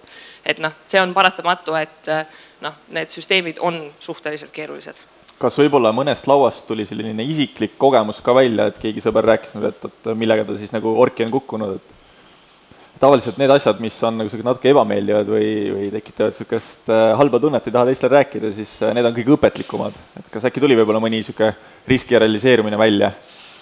et nüüd te teate, nüüd rääkige vabalt siis, mis siis sõber tegi? kõikidel on kõik ainult hästi läinud hm?.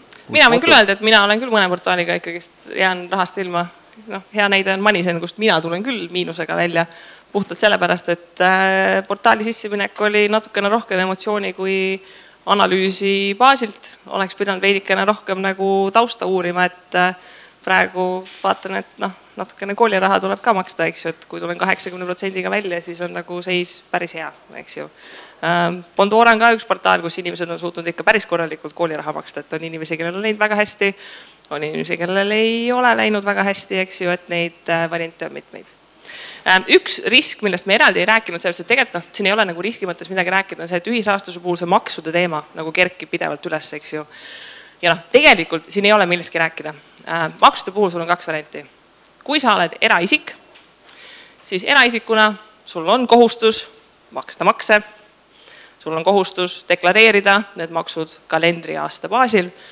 kaks tuhat kuusteist teenisid intressitulu, veebruaris kirjutasid selle oma tuludeklaratsiooni sisse, arvutas Maksuamet sulle automaatselt kakskümmend protsenti ära, ühtegi kulu ega midagi muud sa maha ei saanud arvestada, maksad suvel oma maksuarve ära, ongi nii. või siis variant kaks on see, et kolid ettevõtte alla. ettevõtte all saad kõiki kulusid, kahjusid maha arvestada. sellega kaasneb küll kaks probleemi. esiteks, et sa pead kas ise selle raamatupidamise selgeks õppima või võtma hea raamatupidaja. ja teine probleem on see, et puudub konkreetne perfektne standard, et kuidas mingeid asju raamatupidamises kajastada samas maksuriski seal selles mõttes ei ole, et sõltumata sellest, kui hästi ta või mis reeglite järgi ta kajastatud on, seal ei teki seda olukorda, et noh, et maksuamet saaks selle võrra vähem makse, eks ju. et kui sul on kõik ikkagist enam-vähem õigesti arvele võetud, siis noh, sa makse maksad niikuinii sellel hetkel, kui sa ettevõttest raha välja võtad. Äh, mis muidugi ei tähenda seda, et sa ei vastuta selles suhtes naha ja karvadega selle eest ettevõtte juhina, et mis sinna kirja on pandud aga noh, seal reaalselt mingit nagu maksuriski ei ole, et seal tuleb see põhimõtteline otsus lihtsalt ära teha tegutsen kas eraisikuna või juriidilise isikuna. kes natukenegi suuremat mahtu plaanivad, siis on null põhjust eraisikuna seda teha. eriti sellepärast, et praegu see uus maksupakett, mis meil tuleb, eks ju, äh, kõige rohkem saavad peksa väikeettevõtjad ja väikeinvestorid selle koha pealt, et kui muidu arvestati seda tulumaksuvaba miinimumi palga pealt, siis nüüd hakatakse arvesse võtma kõike tulumaksustatavat tulu, mis tähendab, kui sa eraisikuna ühisrahastusest teenid intressitulu, siis kui sa hakkad äh, kevadel makse deklareerima, ootavad sind kaks maksuarvet ees. kõigepealt sa maksad selle teenitud intressi pealt tulumaksu ja selle pealt tehakse siis tagasiarvestus, et oled saanud tulumaksustatavat tulu, selle võrra väheneb sinu tulumaksuvaba miinimum ja sealt tuleb teine maksuarve, et äh, teed tulumaksu tagasimakset. ehk siis noh, siin äh, kui, kui see summa, mida sa plaanid panustada, on üle mõne tuhande euro, siis suhteliselt null põhjust eraisikuna tegutseda on praeguseks järgi jäänud ja eraisiku puhul siis investeerimiskonto süsteem ühisrahastuses ei rakendu, mis tähendab seda, et ühisrahastuse investeeringuid ei saa sellist trikki teha, et äh, mul on LHV-s näiteks kuskil mingi pangakonto, mis ma deklareerin investeerimiskontona, et ma kannan sinna tuhat eurot peale ja sealt kannan selle kuskile Pandorasse, siis mul on nagu investeerimiskonto õigused, et ei, see kanne on juba väljakanne sellelt kontolt, et äh, ja paraku. oleme realistlikud, lähiajal ei ole ka loota, et see investeerimiskonto alla läheks, sellepärast et et äh, põhjus, miks investeerimiskonto läks läbi sellisel kujul, nagu ta läks läbi, on see, et pankadel oli motivatsiooni selle suunas lobitööd teha. et nende kliendid, kes maksid neile teenustasusid aktsiainvesteeringute ees, eks ju, saaksid seda lihtsamini, paremini teha. noh, pankadel on hetkel null motivatsiooni mingi välise jõuna tulla, et me tahame, et teistel laenuandjatel oleks lihtsam investoreid kokku koguda, et noh ettevõtluskonto puhul äh, võetakse kõikidest laekunud summadest kirvena kakskümmend protsenti, nii et seal sa maksad veel rohkem tegelikult ära. jah, et see läheb, see on nagu veel hullem variant, et äh, maksuriski selles suhtes ei ole ja noh, tegelikult siin praegusel hetkel ei ole ka enam küsimust, et kumba valida, et see on praeguseks hetkeks selge. nii, aga me teeme vahepeal väikse pausi ja siis me hakkame teises pooles siis teie strateegiat paika panema. nagu ma aru sain, siis see paus peaks võib-olla selline kümme minutit olla ja üritame siia natukene õhku tekitada ja siis jätkame uuesti.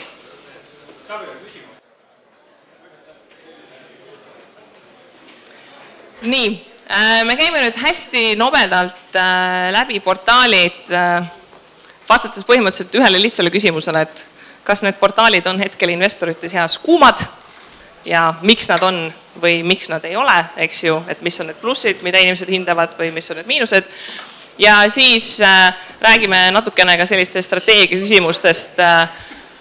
millega tuleks siis ise rahulikult maha istuda ja mõelda, et need enda jaoks paika panna ja, ja kuidas siis oma strateegia edukust nagu reaalselt mõõta ka võimalik on. nii äh,, Bondora. on siis kuum või ei ole? kellel on Bondora praegu portfellis olemas mm.? Jah, kõikidel on millegipärast olemas, aga Bondora puhul hetkel ei saa teda kindlasti kuumade portaalide jaoks lugeda, kuumade portaalide hulka lugeda. Äh, põhjus on väga lihtne. Ähm, Commodore alustas sellise ilusa optimistlikuga, et me oleme väga lihtne, läbipaistev, inimeselt inimesele, kõike muud, äh, siis mingi hetk nad said aru, et kui nende visioon on saada laenude Google'iks, äh, siis selline strateegia tegelikult ei toimi, neil on vaja institutsionaalseid investoreid, neil on vaja kõvasti suuremaid mahte ja see on viinud sinna, et Bondora hetkel ootab kahte tüüpi kapitali. ta ootab institutsionaalset kapitali ehk siis investoreid, kellel on võimalik miljoneid korraga sisse panna või siis ta ootab niinimetatud rumalat raha ehk siis inimesed, kes panevad raha sisse, lükkavad automaatpakkuja käima ja siis on kõigega rahul. kui sa oled investor, kes tahab midagi analüüsida, ise panustada, ise tegutseda, seda praegusel hetkel Bondora enam portaalina ei paku et kui enne oli võimalik, äh, enamik inimesi alustasid Bondorast, siis praegusel hetkel noh ei, ei ole see enam see portaal, kust äh, oleks lihtne alustada. võib-olla siis kokkuvõtvalt võiks Pandora kohta öelda, et äh, kõik kasutavad, aga keegi ei armasta. jah, ma ei oskagi mingi teise tootega paralleeli tuua. oma raha puhul ähm, võib öelda, et pigem on kuum. Oma raha on selgelt sellel viimasel ajal, mis oli see krediidiandjate vahendajate seadus, mida rakendati, millega reguleeriti siis laenu pakkumine turul ära, üks suuremaid võitjaid. Äh, just selle koha pealt, et see protsess, et äh, krediidiandjate vahendajate seaduse kaudu reguleerituks saada, nõudis suhteliselt palju aega ja raha ja see oli kättesaadav nendele, kellel oli juba piisavalt palju mahtu, et kõik sellised äh, kakskümmend neli tundi pitsa ja laen, sellised putkad seda protsessi läbi ei teinud, samamoodi a la mingid automüügiplatsid, mis pakkusid järelmaksu ja kõike muud, eks ju, nemad noh, kõik jäid tegelikult välja, mille tulemusena turg päris tugevalt konsolideeriti ära ja võitjaks jäid need, kelle nimi oli kõige rohkem tuntud.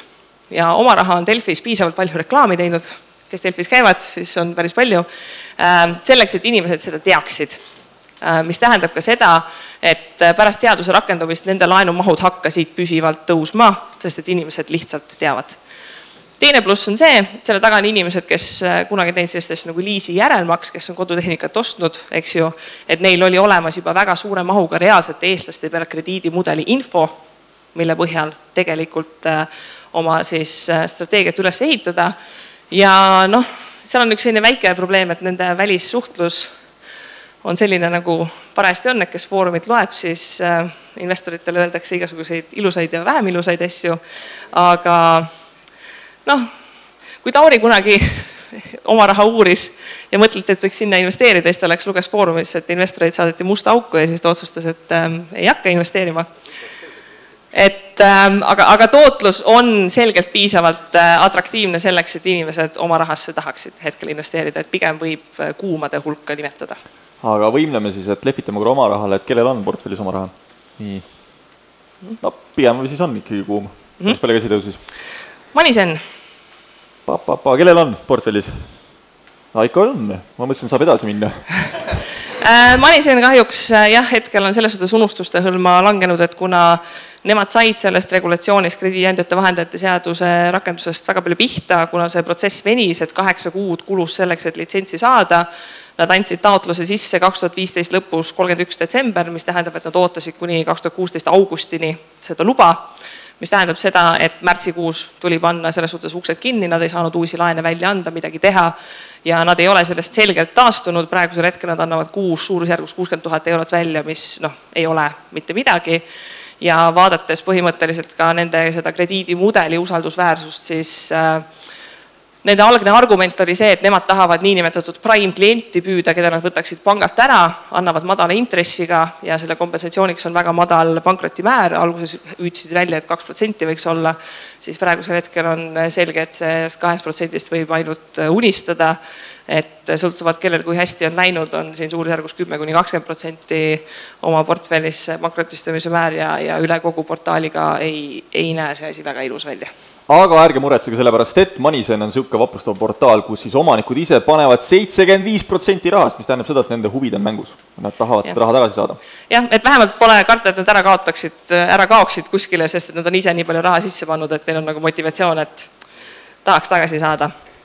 Äh, mis siis on selgelt kuum, on siis Mintused Viino, et kui me räägime siin Bondora oma raha Moneyzen kollektiivselt suure vaeva peale äkki neli miljonit nagu kuus äh, lasevad äh, mahtu välja, siis Mintused Viino kahe peale käib kolmkümmend miljonit silma pilkumata läbi ja iga kuu see kasv suureneb. ja lätlased on leidnud oma Nokia, milleks on siis buyback garantii, et äh, sõltumata sellest, et äh, mis, mis riskid või mis reaalsus selle buyback garantii taga on, siis see buyback garantii on ikkagist nagu nii seksikas, et äh, selle peale investorid tormavad lausa, et saaks oma raha ära investeerida eestlastel on selles mõttes jah, natukene karm see elu, et äh, Soome leidis oma Nokia ja lätlased leidsid oma buyback garantii ja meie ei ole mitte midagi leidnud, eks ju. aga lehvitame korra Mintosele, kui palju on Mintoses kasutajaid siin või investoreid? no siin on kuidagi niisugune parem äär on kuidagi Mintose pool. vasakradikaalid või paremradikaalid? paremradikaalid. Äh, Dvino? no nüüd tuleb vasakult poolt käed, et siin on nagu kuidagi mingisugune joon jookseb vahelt läbi jah, ja kuna lätlased on asja käima saanud, siis äh, nad on seal kokku saanud ja lahku saanud ja lahutanud omavahel igasuguseid muid huvitavaid asju teinud, mille tagajärjel neid Läti portaale tuleb iga natukese aja tagant. praegu kolm suuremat on Swiper, Viventor ja Via Invest, mis on siis kõik äh, vahelduva eduga, kes on läinud Mintosest õnne otsima, kes on läinud Tvinost õnne otsima, kes läks Viventorist õnne otsima. et ühesõnaga, see näeb selline nagu väga kärgpere välja, kui sa vaatad, kes kus on töötanud ehm, ja, ja kõikidel neil on seesama argument, et äh, buyback mis nende kolme väiksema puhul on see küsimus, eks ju, et äh, mida me alguses mainisime, et kas saadakse maht käima, eks ju, noh, nad peavad piisavalt palju seda laenumahtu välja andma selleks, et edukalt tegutseda. Äh, samas nad hetkel on selgelt näha, et nad üritavad investoreid juurde saada, pagetakse igasuguseid boonuseid ja asju, eks ju, selleks, et investorid sinna tuleksid. aga hetkel võib öelda, et eraisikute tarbimislaenude koha peal siis lätlased on ikkagist saanud hoopis teises suurusjärgus selle torust need laenud tulema, kui, kui me siin Eestis. ja tuleb siis tõdeda mm??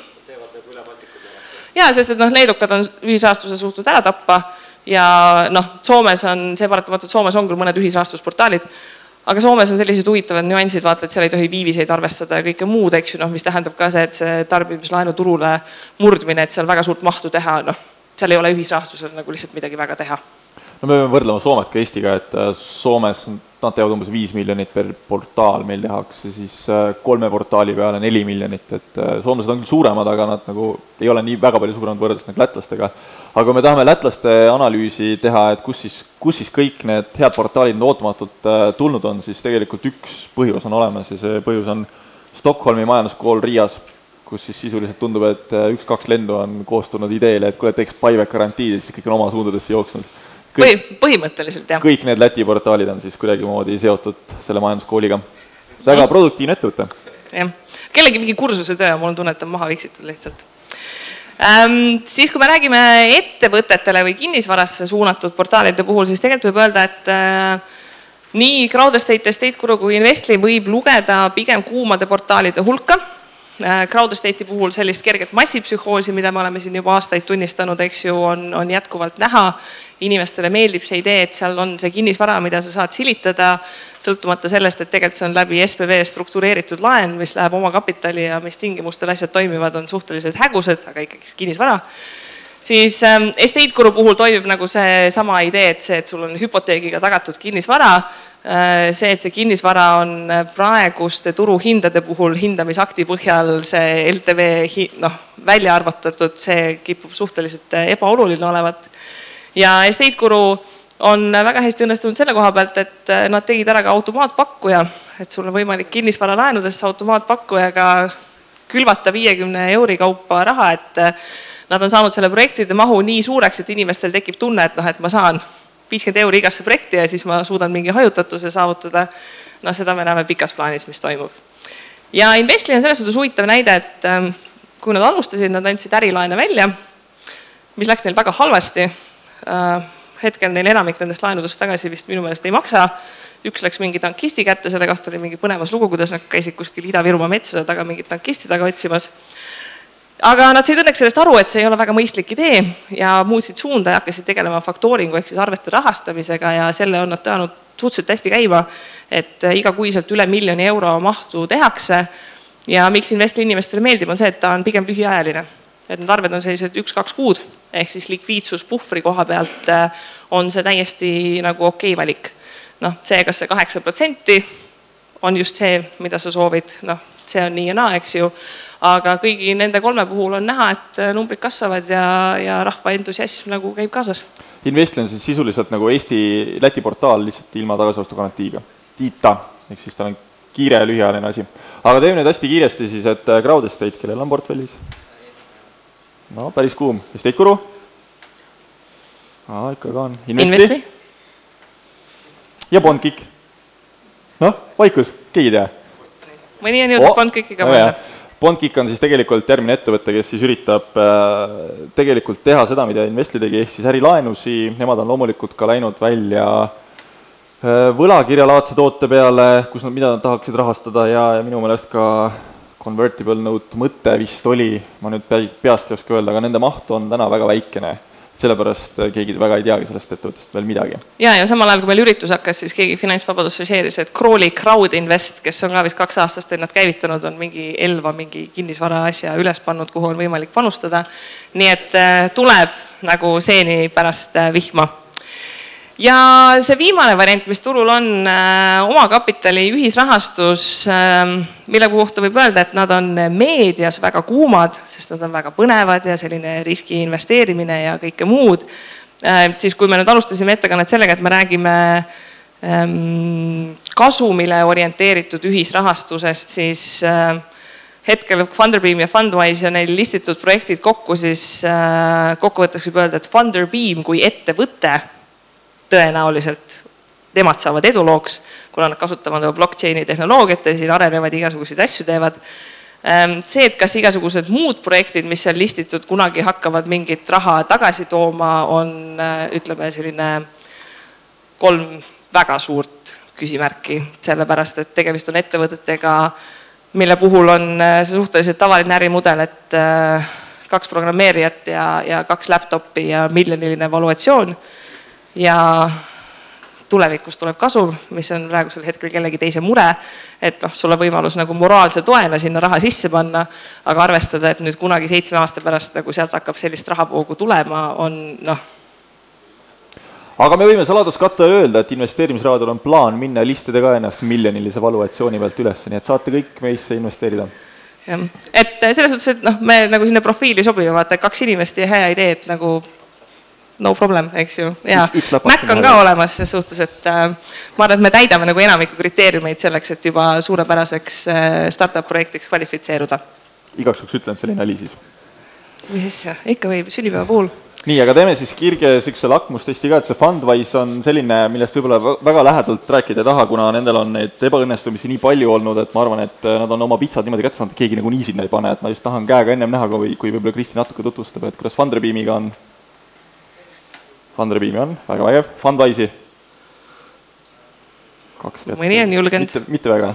ma võin Funwise'i kaitseks öelda seda, et nad tegelikult näevad ennast täna rohkem tehnoloogilise platvormina, white label'ina, soft'ina juba. no see ongi seesama, et need platvormid ise ja nende tehnoloogiline lahendus, eks ju, et kui ma saaksin investeerida, noh, kui nagu see, et Funderbeam on läbi Funderbeami ise Funderbeami jaoks raha kogunud, eks ju, et noh, sinna ma võib-olla nagu raha paneksin, et Funderbeam ise võiks olla asjalik. ja noh, kui Fundwise iseenda arenduseks nagu hooandjas raha koguks, siis ma ka võib-olla nagu panustaksin, sest et mul on nagu hea meel, et nad teevad. aga noh, need projektid, mis sinna listitakse, on ikkagist selline noh arendustegevuse kiirus on äh, ka sellel platvormil, kui me räägime platvormist endast, on Fundwise'i puhul äh, küllaltki kehva. Ja millest ma näiteks Henriga, kes on siis äh, Fundwise'i tegevjuht, hiljuti rääkisin, on see, et nemad on liitunud ka ühisrahastuse hea tavaga, mis tähendab seda, et investoril peaks olema läbipaistev info selle kohta, et kui mingi projekt näiteks ebaõnnestub või, või raha ei kaasata, see jääb ka sinna veebilehel ülesse. et sa saad tutvuda igasuguse infoga, mitte see, et sulle kuvatakse, et oo, meil läheb kõik ilgelt hästi, on ju, ja siis tegelikult tagataustal toimub see, et üks projekt läks ilgelt hästi, ülejäänud sada viiskümmend tuhat tükki läksid nagu kehvasti. ja nemad täna seda ei täida, seda funktsiooni, mis, mis minus ka nagu tekitab seda küsimust, et, et kui te olete ise võtnud endale kohustuse, et te täidate, aga te tegelikult ei kuva neid projekte seal üleval, ja toote vabanduseks, et me arendame oma süsteemi, siis no pagan, kuidas te suudate eduka projekti üles panna, aga seda kehva ei suuda ja samal ajal ütlete, et arendate. et see tekitab minus nagu seda küsimust, et äh, võib-olla me ei peaks kõik kohe ronima sinna osakapitali või omakapitali ühisrahastusse. jah, no ütleme, eks Fundwise'i puhul näeb, et siin äh Neil on selline huvitav äh, probleem ka, et noh, näiteks see, et Skillific vastu taevast läheb, oli teada kõvasti enne, kui see läks nagu portaalis avalikuks informatsiooniks, et tegelikult see infovahetuse koht, et äh, noh, siin tõenäoliselt üks pauk peaks nagu lähiajal veel tulema, millest on juba tükk aega räägitud, eks ju, aga noh, mingit infot kuskil ei ole, et see on pigem see, et kui sõber teeb startup'i ja sa ei taha talle nagu otse raha anda, sellepärast et noh, siis läheb ebamugavaks, et siis ütle talle, et mine listi nagu Fundwise'i või Funderbeami üles, eks ju, ja siis ma võin sinu sündikaati nagu sümboolselt panustada. aga noh, sealt reaalselt nagu edasi on noh, nii ja naa. okei okay,, aga Crowdana? kes teab Crowdanast midagi? nii. ma küsiks, et eh, mis ettevõte seal, sealt see pauktulemus on? Äh, tasub guugeldada, siin on üks huvitav ettevõte, mille asutajad on näiteks nime jõudnud muuta, et neid enam nagu sama nimega eraisikutena ei investeeri, et äh, ei eksisteeri. nii et äh, nii ja naa ah?? kas ta on slaidi peal olemas, ähm,? tasub otsida, Funderbeami, Fundwise'i kodulehel peavad ju kõik asjad listitud olema. ütleme, et Eesti on väike ses suhtes, et noh, kuulujutud liiguvad. nii, ja üks peaaegu viimane mõttepaus teile, et äh, kas te nõustute selle kuum või mitte kuum valikuga, et sõltumata sellest, kas mõni portaal oli kuum või mitte, siis äh, käsi tõusis äh, igalühel kättesaadaval siin Baltikumis, noh, Eesti-Läti on kolmteist portaali, noh, Leedus on kaks sellist nagu väga surevat portaali ka, millele ligipääs on ja siis on noh, kolm portaali, mis Soomes, kuhu pole keeruline saada. et kui need viisteist portaali võtta, et äh, mis siis teie top kolm on? et mis loogika järgi te olete hetkel valinud neid, kuhu raha panustada ja, ja mis on need, mis siis teie meelest on need kõige kuumemad praegusel hetkel nii, igas lauas lepiti enesekindlalt kokku, et äh, mis on top kolm parimat portaali ja keegi vastu ei vaielnud. on ju? pilt on selge et äh, siin on äh, see koht, et äh, noh, igalühel on oma lemmikud, eks ju, noh, kellel meeldib kinnisvara, kellele tarbimislaenud, kellele mingisugused muud asjad. et siin ei ole seda ühest vastust, et noh, üks, üks küsimus, mida mina ka väga palju saan, et noh, et mis siis on see kõige parem portaal, eks ju, et noh, mul on see esimesed viissada eurot või tuhat eurot või midagi, et noh, et kus ma siis selle panen, et mis on nagu kõige parem, noh praktikas sellel ei ole nagu väga head vastust. et sa pead endale tegema mingi valiku sulle sobivate kriteeriumite alustel, kui palju on riski, kas ta pakub sellist tootlust, kas sa saad aru, mis seal reaalselt toimub, eks ju. ja siis on sul võimalik valima hakata. aga noh, et see üldplaanis äh, see, see ühisrahastuse puhul, noh, me Eestis räägime siin suurusjärgus vähem kui kümnest tuhandest inimesest, kes ühisrahastusse reaalselt investeerivad ikkagist, noh, see ei ole nagu mingi üleliia suur kogus. ja kui me räägime investorite jaotusest, eks ju, siis on ka see, et kakskümmend protsenti investoritest investeerivad kaheksakümmend protsenti rahast, eks ju. et Pandora kunagi, nad ei ole vist väga hästi avalikult seda avalikustanud, aga kunagi mingi, mingil kahtlasel põhjusel ma sain Pärteli käest sellise informatsiooni kätte, kus ta jagas näiteks Pandora portfellide jaotust, eks ju, et kui suured inimeste portfellid on. noh, nende inimeste hulk, kes on pannud see kuni tuhat eurot, on meeletu, eks ju ja noh, siis on mingid inimesed, kes on seal mõned tuhanded pannud ja siis on väga väike hulk investoreid, kes ongi pannud seal nagu viiskümmend tuhat, sada tuhat, kakssada tuhat, eks ju, et noh, nemad nagu kannavad selle mahu eelkõige ära. et äh, igaüks ise teab, et kuhu ta nagu selle jaotuskõvera peal äh, koguneb, paigutub. aga selle portfelli strateegia koha pealt, et ühisrahastuse puhul tegelikult ongi see, et äh, noh, sa pead olema teadlik, mis valikud on laual mis portaalid. sa pead olema teadlik, millised on riskid, mida sa saad juhtida, mida sa ei saa juhtida ja siis on sul võimalik hakata tegema mingeid valikuid. ja valikute tegemise puhul sul on nagu kaks sammu, eks ju, sul on see mingi investeerimist ees, et noh, miks sa tahad üldse ühisrahastusse investeerida, mida sa tahad saavutada? kas sa tahad rahavoogu, kas sa tahad oma portfelli tasakaalustada teiste varaklasside suhtes, mis on sinu ajahorisont, kui pikaks ajaks sa soovid raha panustada ja siis on sul võimalik hakata strateegiat mingite sammudena paika panema, eks ju siin ei ole ideaalset lahendust, et milline on parim nagu ühisrahastusstrateegia. noh, siin neid uuringuid on tehtud ja noh, milles on põhimõtteliselt kokku lepitud, on see, et ühisrahastus on pigem toetav varaklass. see tähendab seda, et ühisrahastuses on su portfellist suurusjärgus niimoodi a la viisteist kuni kolmkümmend protsenti sõltuvalt inimesest ja kuna tegemist on tugevalt raha poole orienteeritud investeeringuga, siis sellel hetkel, kui on see moment, et veri on tänavatel, on vaja hakata aktsiaid ostma või kinnisvara või mida iganes, siis ühisrahastus on see, kust sul on võimalik sellel hetkel raha välja võtta. et seda volatiilsust natukene tasakaalustada ja et oma portfelli nagu ümber paigutada. Ähm, see, et Eestis väga paljud alustavad sada protsenti ühisrahastusest, noh, see on üks nagu asi. Äh, teine on see, et äh, meie investorid kipuvad olema väga tugevalt ühisrahastuse poole kaldu ka sellepärast, et Eesti puhul ja noh, Baltikumi puhul ühisrahastus ikkagist pigem toodab riskiga korrigeeritult kõrget tootlust. see, kui kaua ja kui pikaajaliselt see jätkuda saab, eks ju, noh, kui me vaatame praegu viis aastat nagu tagasi, siis noh, selgelt on tootlus aasta-aastalt kukkunud. kui palju ta veel kukub ja kui kiiresti, noh, seda on raske ennustada.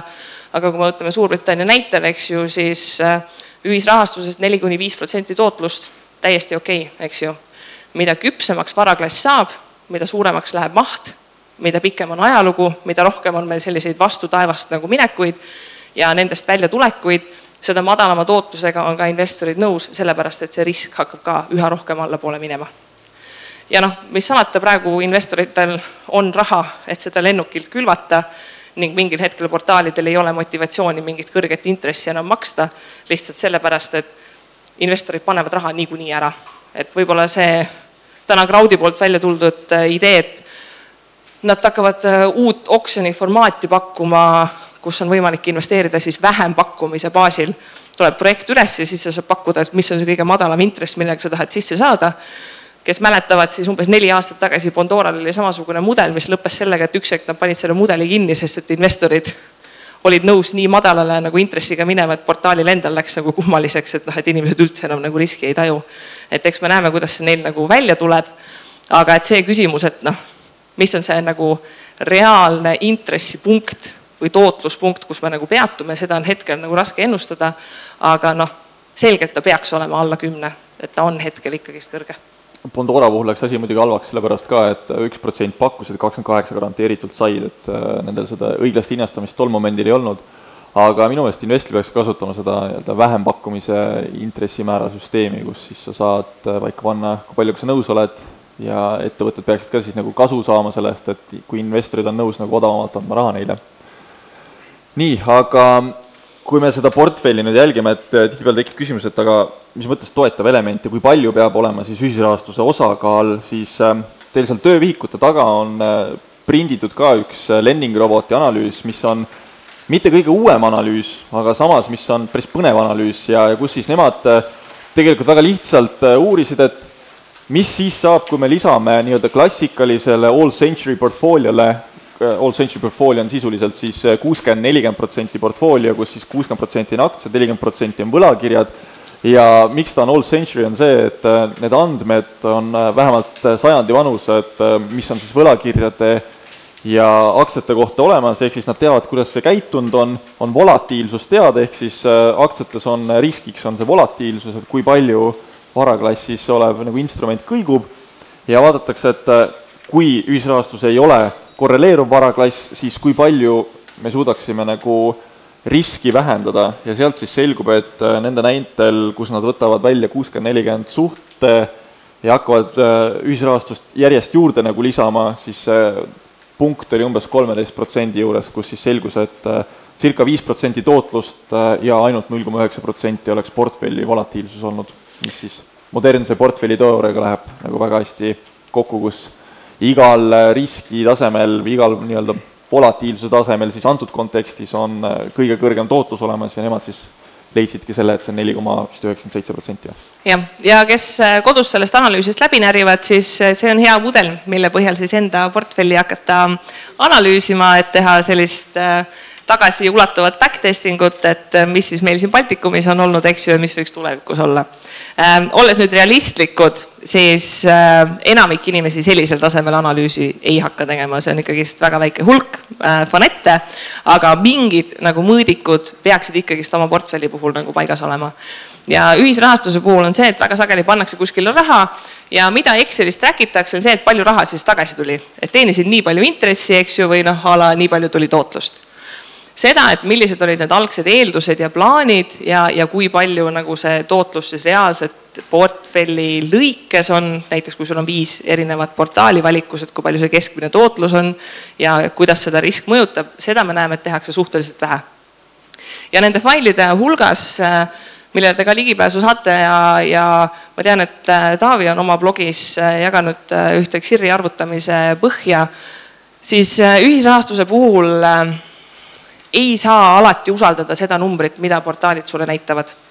Äh, selle koha pealt, et äh, Xiri arvutus muidu peaks olema suhteliselt loogiline, et sa märgid, palju sa oled raha sisse kandnud, palju sa oled välja kandnud, mis on lõppseis, Excel teeb selle arvutuse sulle ära, siis äh, mõndade portaalide puhul, kui sa ise seda arvutad, tuleb see tulemus suhteliselt sarnane sellele, mis ta tegelikkuses on. osade portaalide puhul, noh, eelkõige Bondora on siin selliseks näiteks, on see vahe võib nagu mitmekordne tegelikult olla. ehk siis eh, sina investorina peaksid seda siiski ise üle arvutama. see alguses võib tunduda võib-olla natukene hirmus, aga see on see, et sa võtad korra ette, teed need kanded ära, sealt edasi selle faili uuendamine on juba suhteliselt lihtne sellepärast et ühisrahastuse puhul, kuna sageli liiguvad väiksed summad ja väga ebaregulaarsed, siis sul nagu kaob see taju täiesti ära, et milline see tootlus on. ja ühisrahastuse puhul nagu noh, mida peab oluliselt tähele panema, on see, et kui sa paigutad mingi raha sisse, siis see tootlusjoon ikkagist pikas plaanis hakkab vaikselt allapoole tiksuma. ja küsimus on nüüd selles, eks ju, et kui alla ta siis lõppkokkuvõttes tiksub. ja kui sa seda raha viis aastat nagu keerutad, siis mingi hetk see taju kaob nagu täiesti ära, et noh, kuhu siis lõpuks see reaalne tootlus langeb. eriti oluline on seda teha, kui sa oled eraisik, sest et siis sa maksad korra aastas tulumaksu ja seda väga suur hulk inimesi arvesse ei võta ja teine asi, kui sa oled Xirri välja arvutanud, siis tuleks tootluse puhul meelde tuletada ka seda, et kuigi meil hetkel inflatsiooni praktiliselt ei ole, siis ajalooliselt ei ole see nagu äh, väga tavaline, äh, mis tähendab seda, et kui sa siin praegu see kaksteist protsenti, kui inflatsiooni ei ole, tundub nagu väga-väga ilus, äh, mis me siis teeme, kui hakkab nagu järgmine buum ja järgmine kriis üles kerima ja meil on inflatsioon näiteks kuus protsenti ja hetkel nagu seda probleemi selle inflatsiooni küsimusega on äh, näha eelkõige selles, et väga paljudes portaalides sõltumata laenu pikkusest, mis sa välja annad, antakse suhteliselt sarnase intressimääraga. aga kui me nüüd nagu reaalselt mõtleme, siis mida pikem on projekt, siis see intress peaks olema kõrgem, sest et sina võtad riski, et sa lukustad ennast sinna pikaks perioodiks sisse. kes oskab enesekindlalt praegu öelda, et kui palju on viie aasta pärast inflatsioon? Palju järgmine aasta on inflatsioon? kes üldse inflatsiooniga oma portfelli korrigeerib? kas keegi veel? mitte keegi mm. -hmm et siin on see küsimus, et noh, praegu see vahe ei ole väga suur, eks ju, et noh, me hetkel oleme siin deflatsiooni piiril alla, kui on mingi null koma neli, see vahe ei tule väga suur, eks ju. sellel hetkel, kui inflatsioon ikkagist hakkab üles ronima, siis ikkagist juba kolm protsenti on ka nagu väga-väga oluline, sest et noh, reaalsuses see võib tähendada, et ta sööb ära kolmandiku sinu tootlusest, eks ju, kui sa näiteks Investis kaheksa protsendiga annad asju välja ja inflatsioon on kolm protsenti et eh, see kuidagi unustatakse ära, aga nagu oma Excelisse tasuks see ikkagist nagu sisse ehitada ja kui nagu need põhisammud on tehtud, eks ju, XIR on välja arvutatud, oled selle nagu reaaltootlusega korrigeerinud, siis tuleks hakata neid kõige hullemaid stsenaariumeid vaatama. Ja see on üks äh, fail, mida te saate kodus mängida äh, selle koha pealt, et äh, kui me praegu track ime väga hästi mineval turul tootlust, siis investoril oleks vaja ka testida, et mis juhtub siis, kui meil pankrotimäärad suurenevad et praegusel hetkel noh, heas majandusolukorras inimesed maksavad laene üldiselt ilma mingi probleemideta. siis äh, eelmise kriisi selles sügavas augus ikkagist eraisiku laenude pankrotimäär noh, sisuliselt kolmekordistus.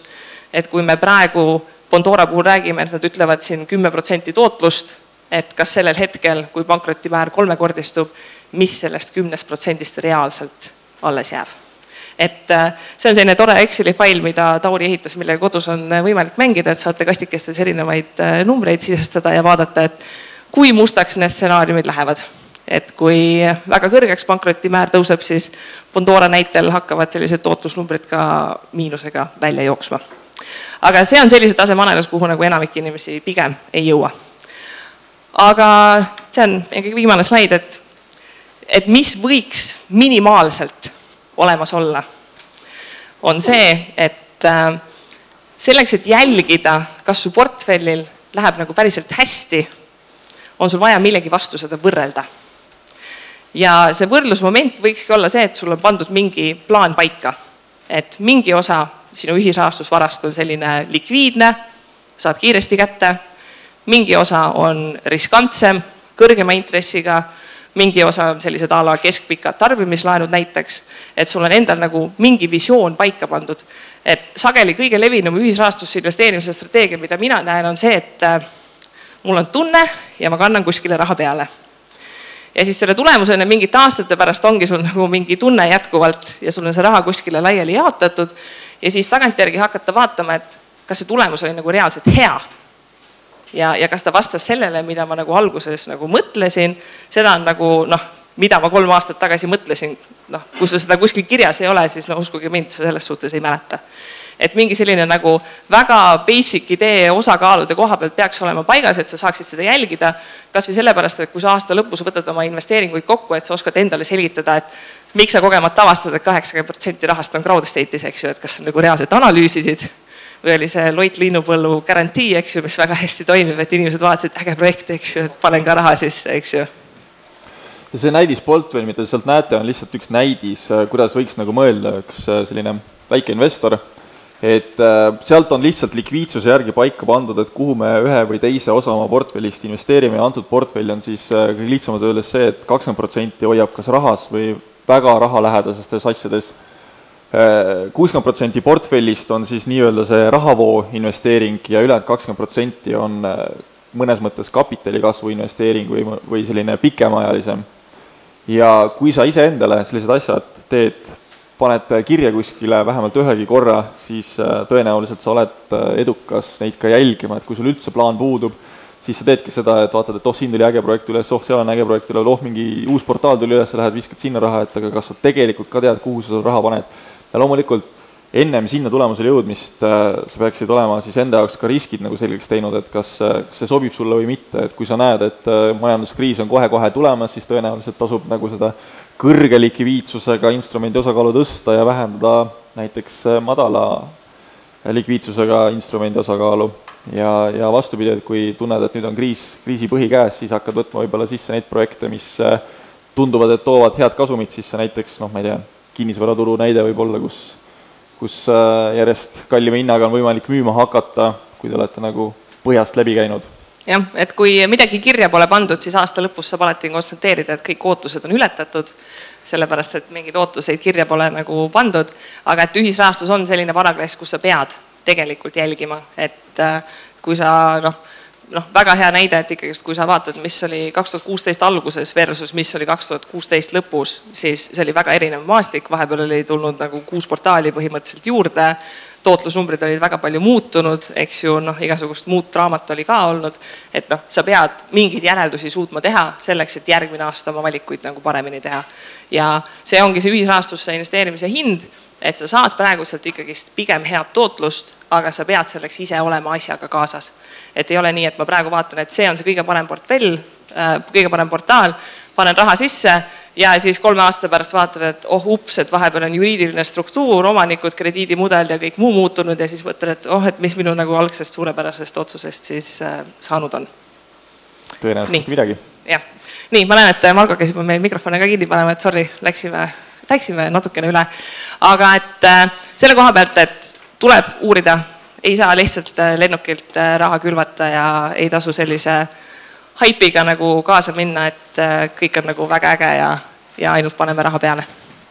Ja kui teil on küsimusi, siis info et investeerimisraadio.eu on see veebi, tähendab emaili aadress, kuhu saate kirjutada ja siis www.investeerimisraadio.eu on siis, kus iga teisipäev meie osad tulevad välja, et sorry, Marko, ma tegin natuke reklaami.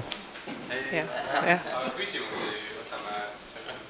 mul oleks küsimus, et sa Kristi algul ütlesid, et keegi läheb, eks äh, kraavi, kui keeldusid ütlemast, millal läheb, aga ega see ei huvitagi nii palju, kes läheb ähm,. Majandusaasta aruanded hetkel äh, järjest äh, tulevad, tasub vaadata, et kui kahjumit on kõvasti rohkem kui müügitulu, siis võiks tekkida küsimus, et kui selline olukord juba pikalt on, et mis võiks olla see asi, mis seda suunda teisele poole pöörab. ja kui sa ise ei suuda seda põhjust välja mõelda, siis äkki ei olegi